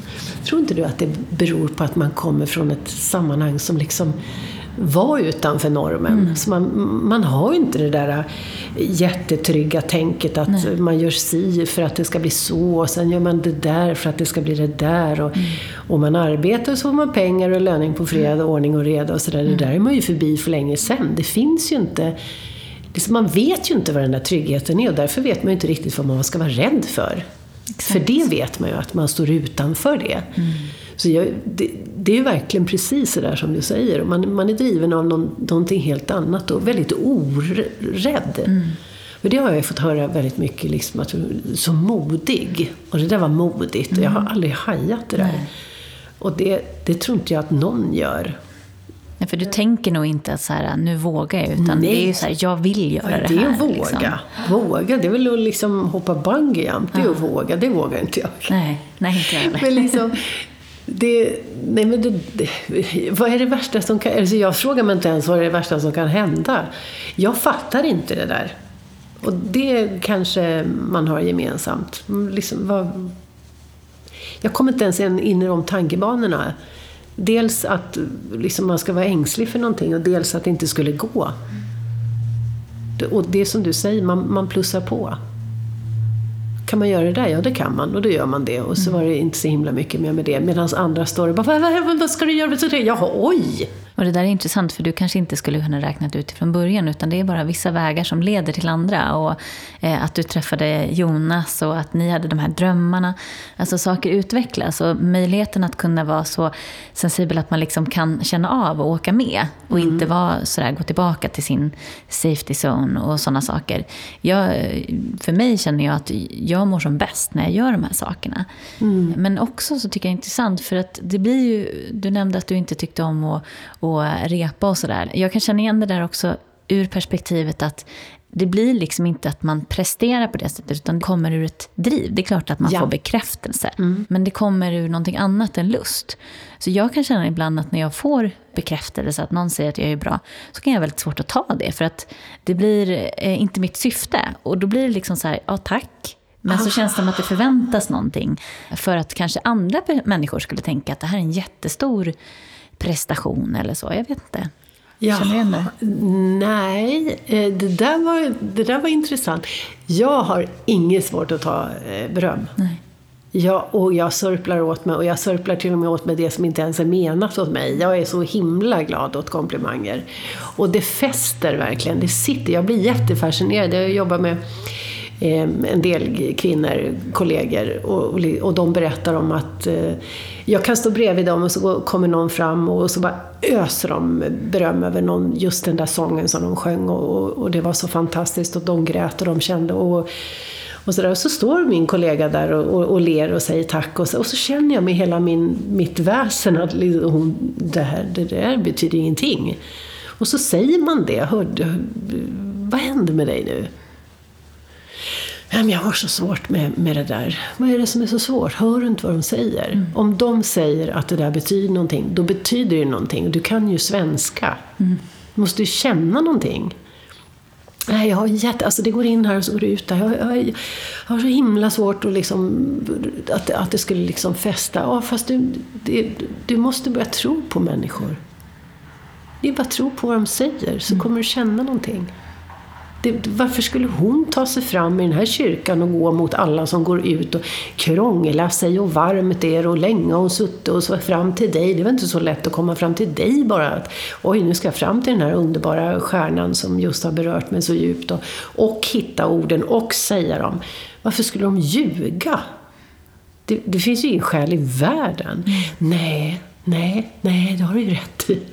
Jag har aldrig tänkt på det. Men det, jag tycker det är, det är jätteintressant, för det är också, om jag gör en stor prestation där jag verkligen känner att nu går jag upp, nu ska jag prestera, mm. då är jag lättare att ta emot. Mm. Eh, men jag tror också att det blir för mig att, till exempel när jag har den här podden, så känner jag att mitt driv är ju att dels så är det en så viktig sak och jag tycker det är jätteintressant själv och det finns så mycket annat som gör, som motiverar det här. Ja. Och då kan jag känna att jag mår bra och känner mig bra när jag gör det. Ja. Och jag kan ta emot när folk säger att de uppskattar det och tack för det och så här. Det tar jag emot med, med kärlek och glädje. Liksom. Mm. Det, jag kan inte ta det som bekräftelse, om du förstår vad jag menar. Det är som att... Men för du har redan bekräftelsen ja, i dig själv? Ja, på något ja. sätt. Eh, och det är intressant för att ibland tror jag att andra kanske förväntar att om någon säger, jag menar herregud, jag kan säga vad fin du är idag eller så. Det där är lite svårt också, för där kan det vara en person som inte känner sig så fin och man kanske inte riktigt kan ta emot det där. Det är alltid lite svårt för det finns en slags eller många gånger tror jag att det finns en slags förväntan i den, eh, alltså hos den som levererar den här komplimangen eller säger att det är bra. Mm. Och det, det där är lite klurigt, för det är ju så... Jag tror att för min del så har det varit så att jag kanske inte har litat på från första början. Liksom litat på eh, att den här komplimangen faktiskt är menad som en komplimang. Det kanske mm. egentligen vill vara det här eller så. Mm. Eh, och då blir det ju kanske ännu svårare att ta emot det. Vad tänker du att det finns för förväntan? Jag tror Eh, kanske inte, inte förväntan eh, vad ska man säga så här. Det kan ju finnas, om du ger, ger beröm, så finns det ju en förväntan på att den här personen ska bli glad. Om man säger så. Alltså det är en slags så här, eh, man ger ju en komplimang eller man säger någonting för att mm. man vill glädja mm. den här personen. Mm. Och så blir du inte så där uppenbart glad. Nej. Och då känner du skam eller vad känner du då? Ja, eller det blir blir besvärligt mest. Ja, det kan bli besvärligt för att eh, då känner jag ju, då blir det nästan, skulle jag vara sådär eh, jätteglad, mm. då skulle det bli en prestation och inte hjärtligt. Det där tycker jag är väldigt intressant just Vad med. skulle bli en prestation? Om jag inte kände att jag, låt säga att jag har en dålig hårdag dag och så säger någon vad fin du är i håret. Ja. Och så känner inte jag att jag identifierar med det. Nej. Och så tänker jag att den här personen... Säger det för att låna pengar. Ja, precis. Nej, kanske inte så. Nej, men, men, snarare att hon kanske säger det för att vara snäll, för hon tycker det. Ja. Och eh, så kanske jag inte känner att jag är glad över mitt hår den dagen. Och då kan det bli den här, antingen så kan man tacka och liksom inte riktigt kunna ta åt sig det. Eller så känns det som att man kanske måste ge en sån här, åh tack vad snäll du är. Och då blir det en prestation. Alltså att mm. prestera tillbaka för mm. det där. Eh, mm. Det är ju jätte... För, för vad som händer när du får en komplimang, det är det att du direkt funderar på hur du ställer dig till det som någon... Mm. När någon säger vad fin du är i håret, då tänker du direkt så här, tycker jag att jag är fin i håret? Nej, det mm. tycker jag inte. Nej, då kan inte den mena allvar heller. Eller att jag liksom inte kan ta emot det för att jag inte håller med. Och det är ju, Nej, där kan jag ju verkligen se, mm. alltså, som har suttit alltså, djupt från min barndom. För att det blir liksom hela tiden att jag kanske inte har har en referensram att någon annan vill mig väl. Utan jag måste hela tiden gå tillbaka till min referensram Mm. och det blir viktigt vad jag tycker och vad jag står. Och det, det, gör ju, det sitter ju som ett hinder. Mm, att man inte kan ta emot beröm som inte är... Jag menar, det finns ju jättemycket saker som jag kanske inte har tyckt om hos mig själv tillbaka i tiden. Mm. Och då har någon berömt det så blir det ju nästan att det, det skär sig på något sätt i, Mm. i ens system. Liksom. Men det, det, jag tycker det är intressant för att på tal om det här du Det pratade där om. ställer ju till liksom hela bilden som man då har av sig själv och de slutsatser man har dragit när man tänker som dig. Mm. Det, blir, det blir jättesvårt. Och det, problemet är ju...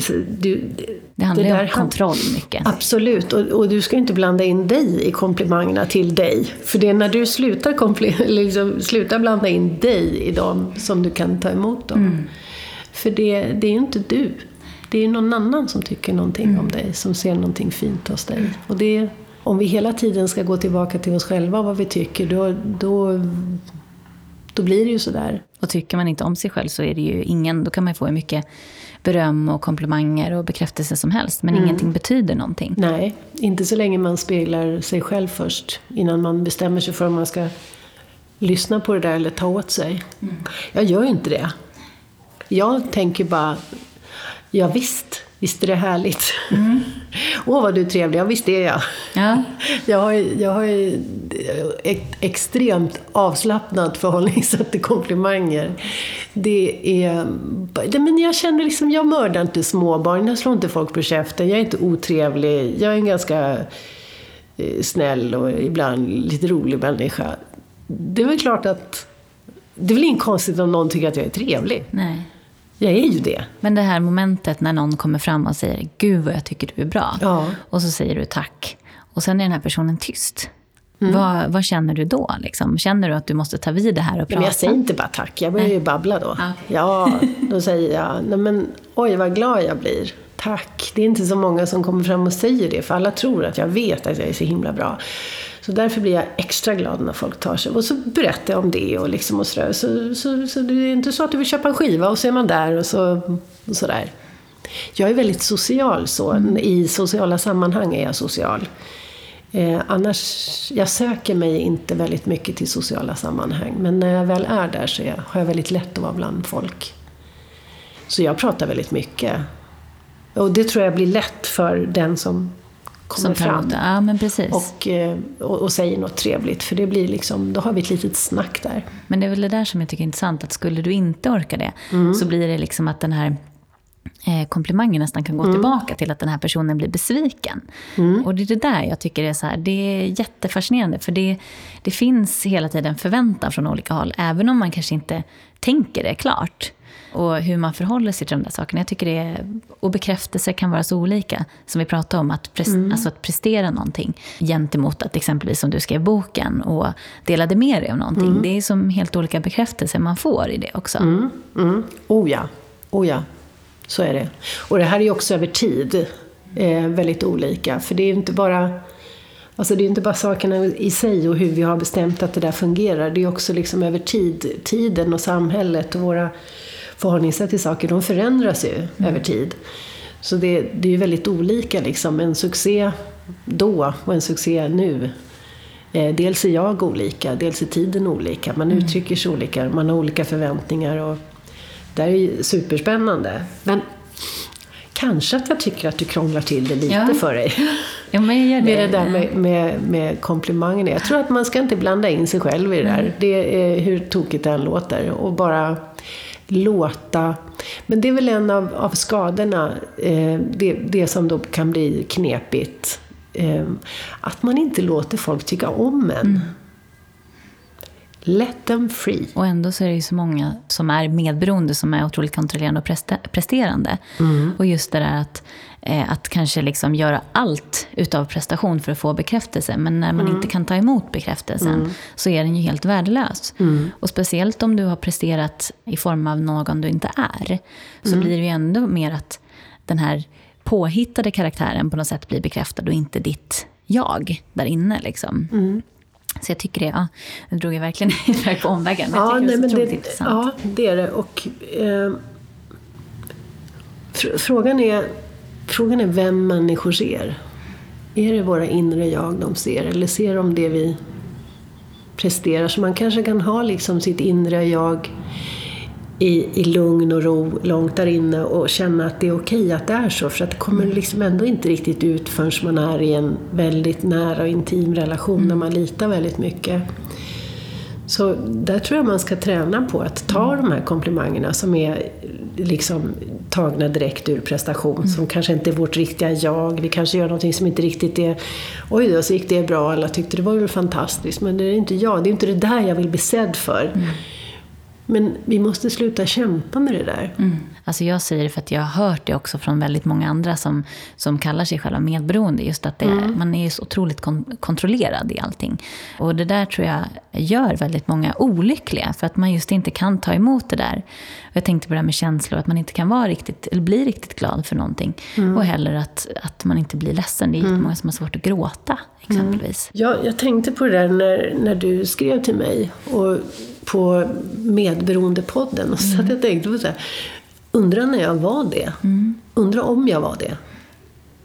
Jag kan inte känna att jag har varit det i vuxen ålder.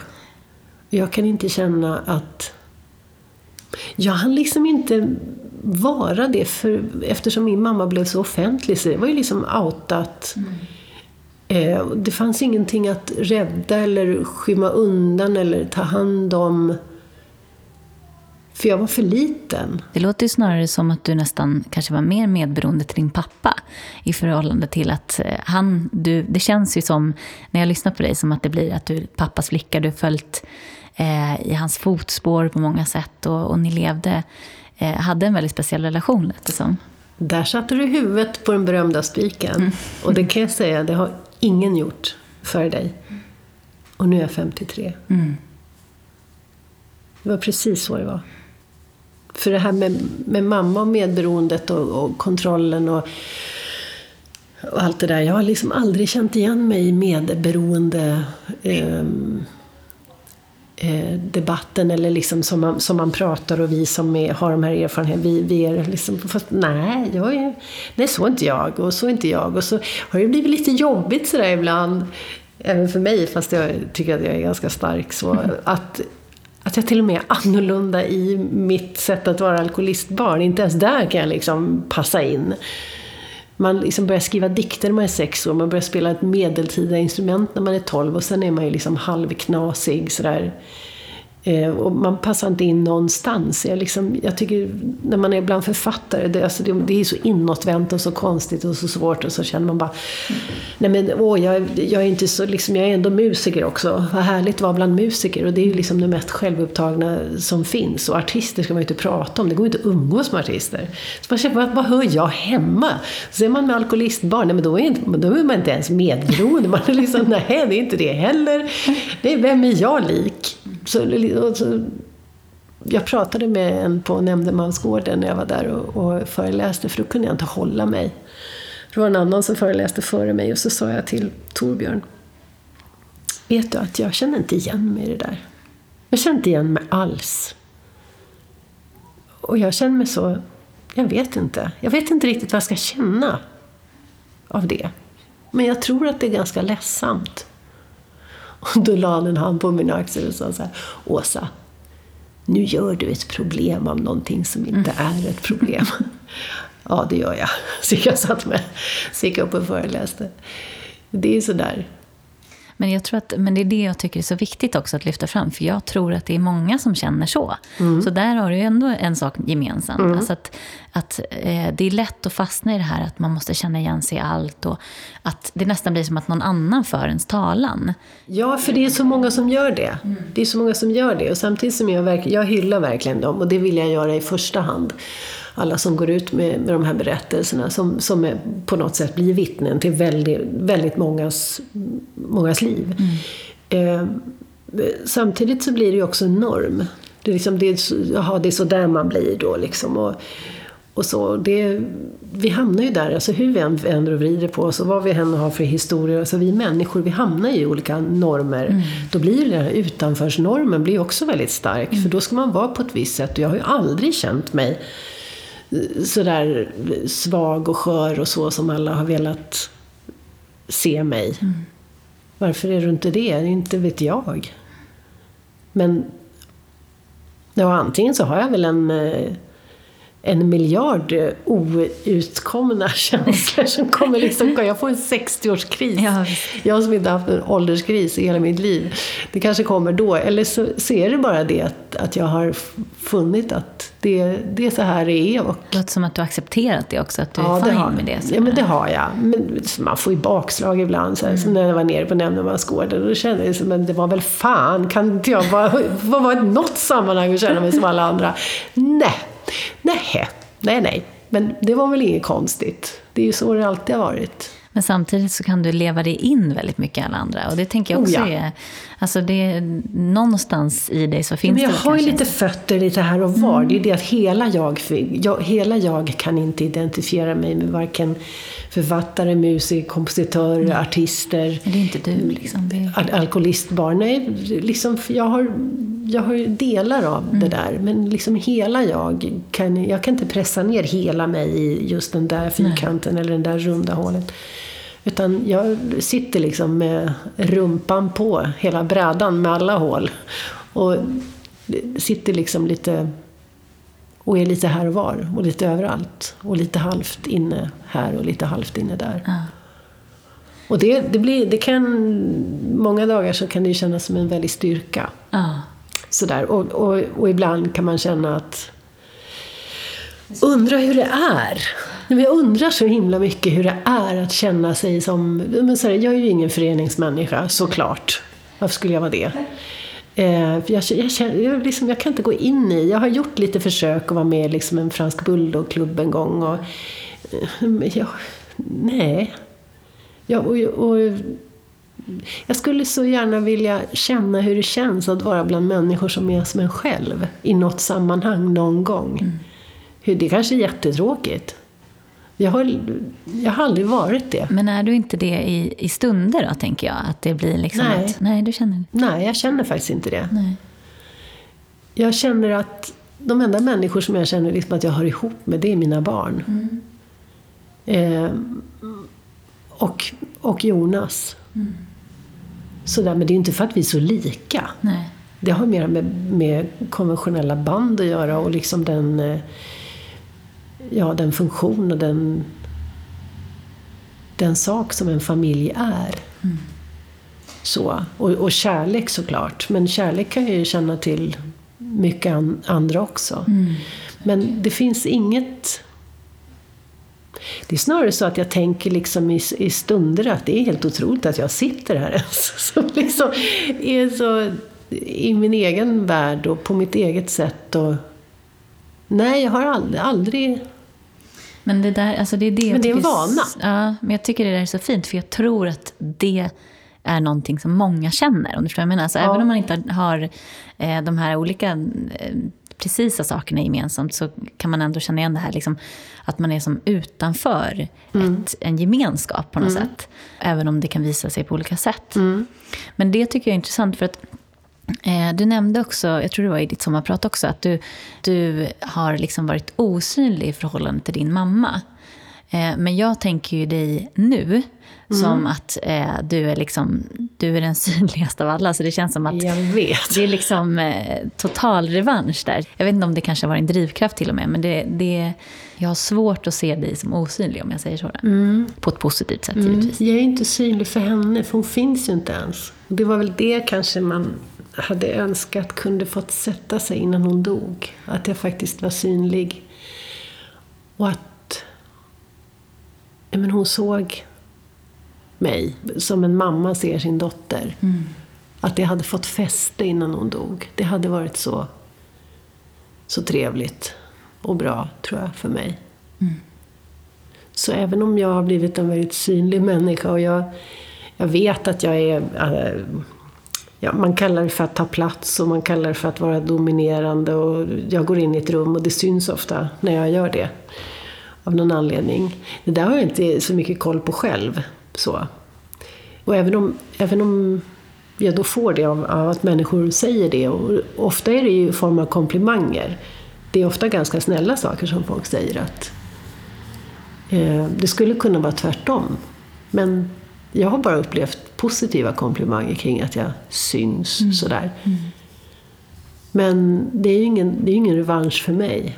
För den enda jag ville synas för, det var henne och hon finns inte längre. Så där, och det finns ingen som, som kan täcka upp det där. Nej. Det finns ingen som jag kan vara sedd för som täcker det osynliga i den, i den relationen.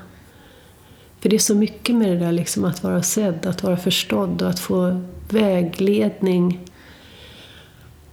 Att få vi, bli, bli visad hur man är kvinna, hur man växer upp, hur man är mamma.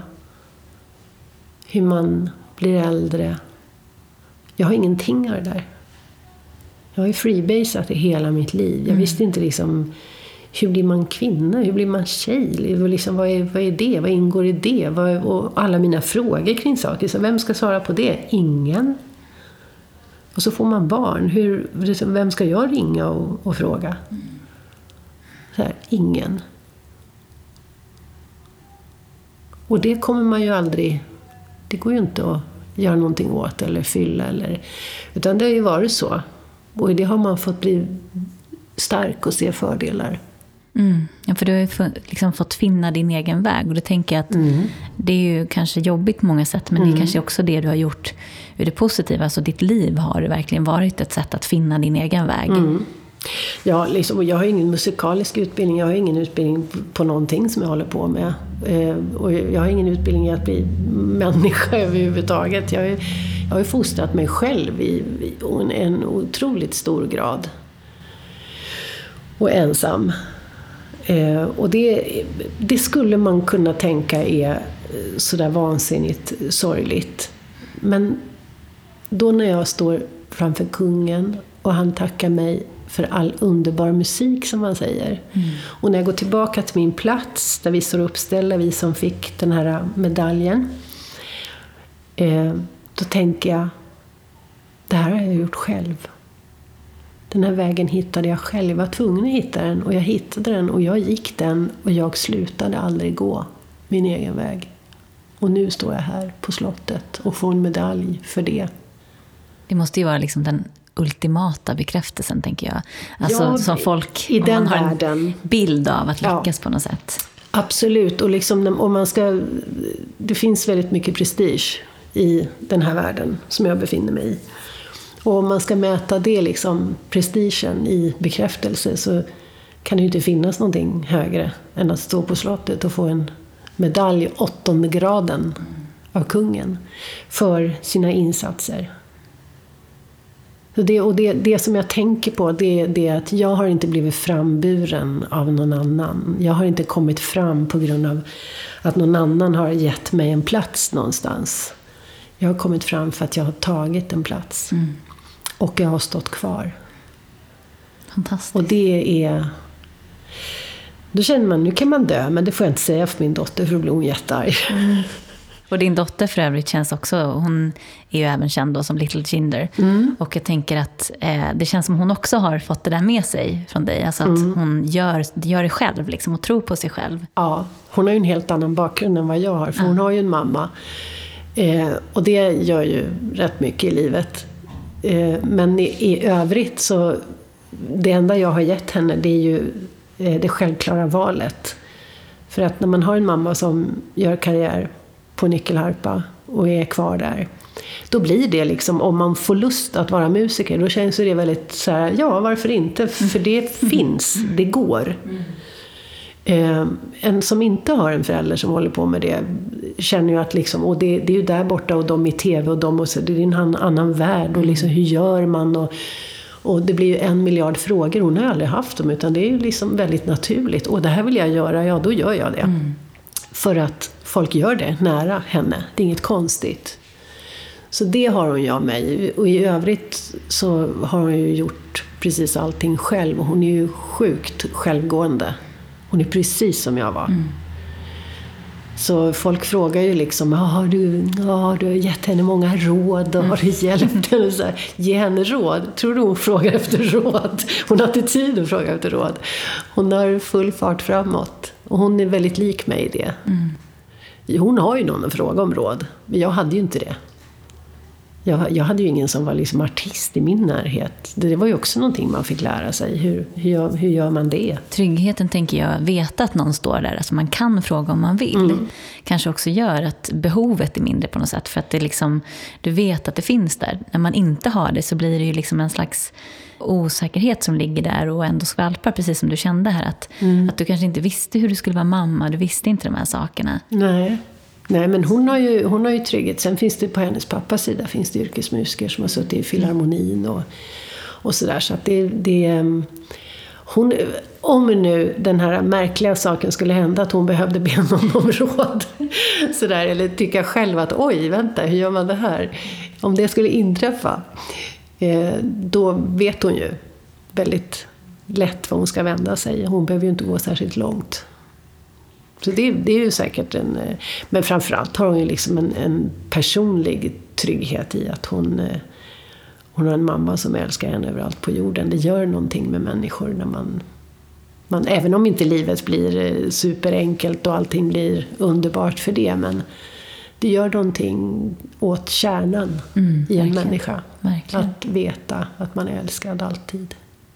Men du, nu har ju du gjort, alltså på pappret så har du ju en ganska rejäl meritlista, ett CV som är, heter duga. Och du känns ju som att du fortsätter driva framåt. Har du några drömmar nu som ligger och skvalpar sådär? Alltså min dröm har alltid varit att bara få fortsätta hålla på. Mm. Det, jag har aldrig haft någon sådär, sådär femårsplan eller mål eller Eh, det tycker jag är jättekonstigt. Alltså, folk beter sig som företag. Folk är projektledare hemma. Liksom. Strunta i det. Det, det är jättefånigt. Och det där med femårsplaner och tioårsplaner. Liksom, herregud, vet inte du vad livet är för någonting? Mm. Det finns någonting som heter en vind som man kan åka med. Liksom. Eh, och saker går sönder. Och eh, livet tar sina egna vägar. Och ibland blir det så himla mycket bättre än man någonsin hade kunnat drömma om. Mm. Det är det som händer. Så står du där med din agenda, din femårskalender. Alltså den här känslan av att man också då har en så bestämd väg. Så dyker det mm. upp andra saker mm. så tror jag inte man är förmögen att se. Ibland kan det vara så. Man blir mm. förblindad av, av, av, sina drömmar och sen tror man att allting annat är väldigt dåligt. Mm. Det är klart att, att eh, ja, men, Börjar du en utbildning så är det bra om du tänker att du ska avsluta den. Ja. Det, det, är alltid bra att göra. Men eh, det är inget måste. kanske kommer någon annan utbildning som är roligare på vägen och då ska man ju inte skämmas för det.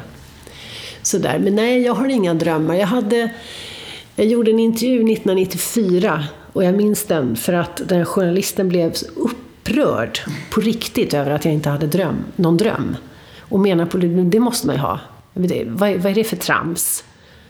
Han, han, han, han, blev liksom personligt eh, attackerad av att jag inte hade någon dröm. Så jag, vi satt på ett grepperi på Götgatan och jag blev bara mer och mer obekväm. Jag tänkte, jag måste... För han tog upp det där liksom hela tiden. Ja, men nu ger jag dig tio minuter. Nu får du liksom, det, det, är klart att du har en dröm. Varför vågar du inte säga det? Och, så, jag har ingen dröm. Nej, men det är väl klart att man, det, han kunde inte få in det i sitt system. Då tänkte jag, jag får hitta på någonting. Jag hittar på någonting. Alltså. Och så tänkte jag så här, vad drömmer folk om då? Det är ju alltid så här jättekonstiga grejer. Och så här, så här, jag drömmer om att vinna Eurovision med nyckelharpa.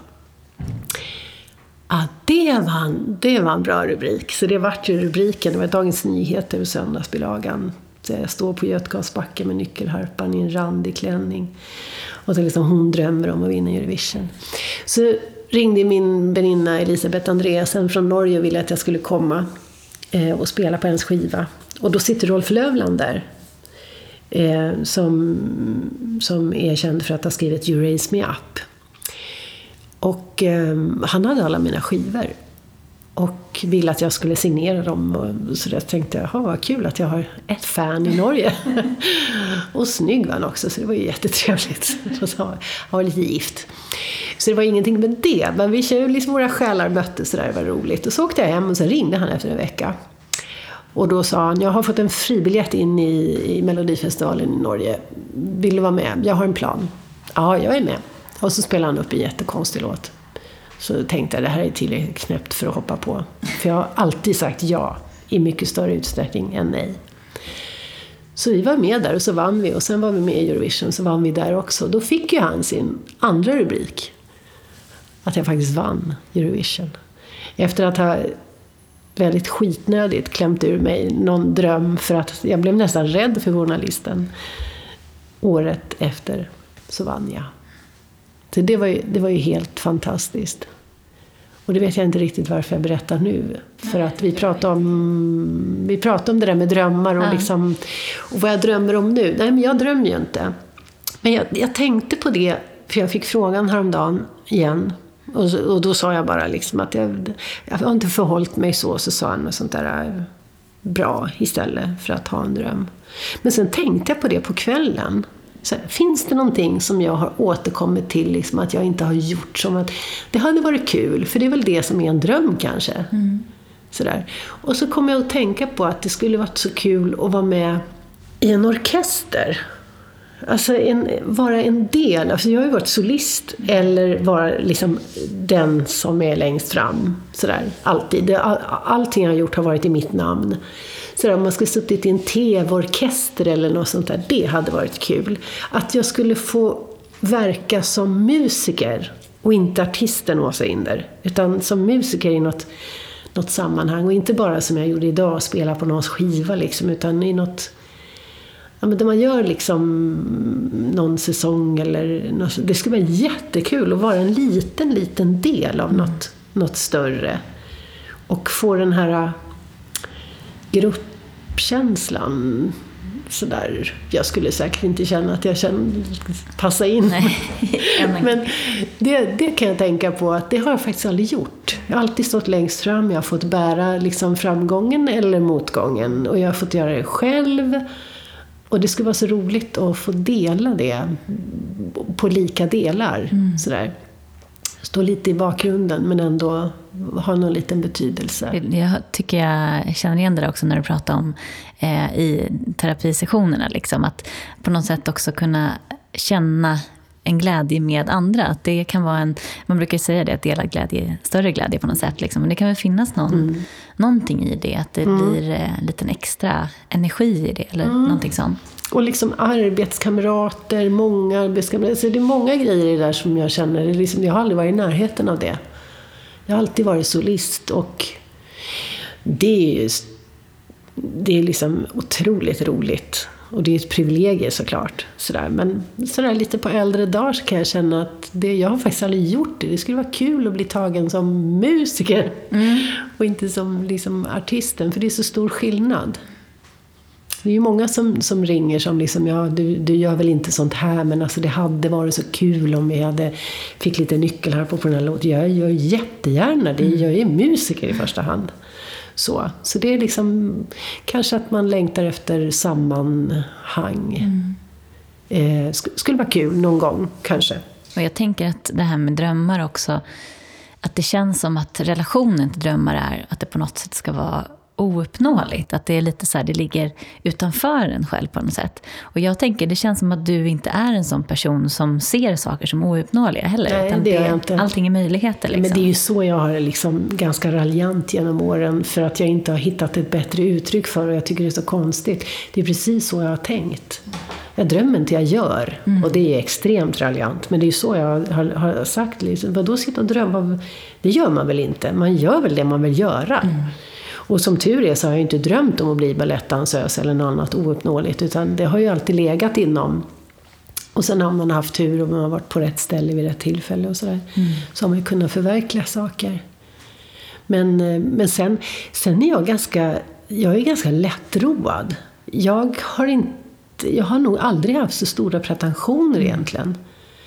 Och det gör nog att man tar framgång på ett ganska bra sätt. Eh, jag är otroligt tacksam. Jag uttrycker det ganska ofta. Folk blir förvirrade.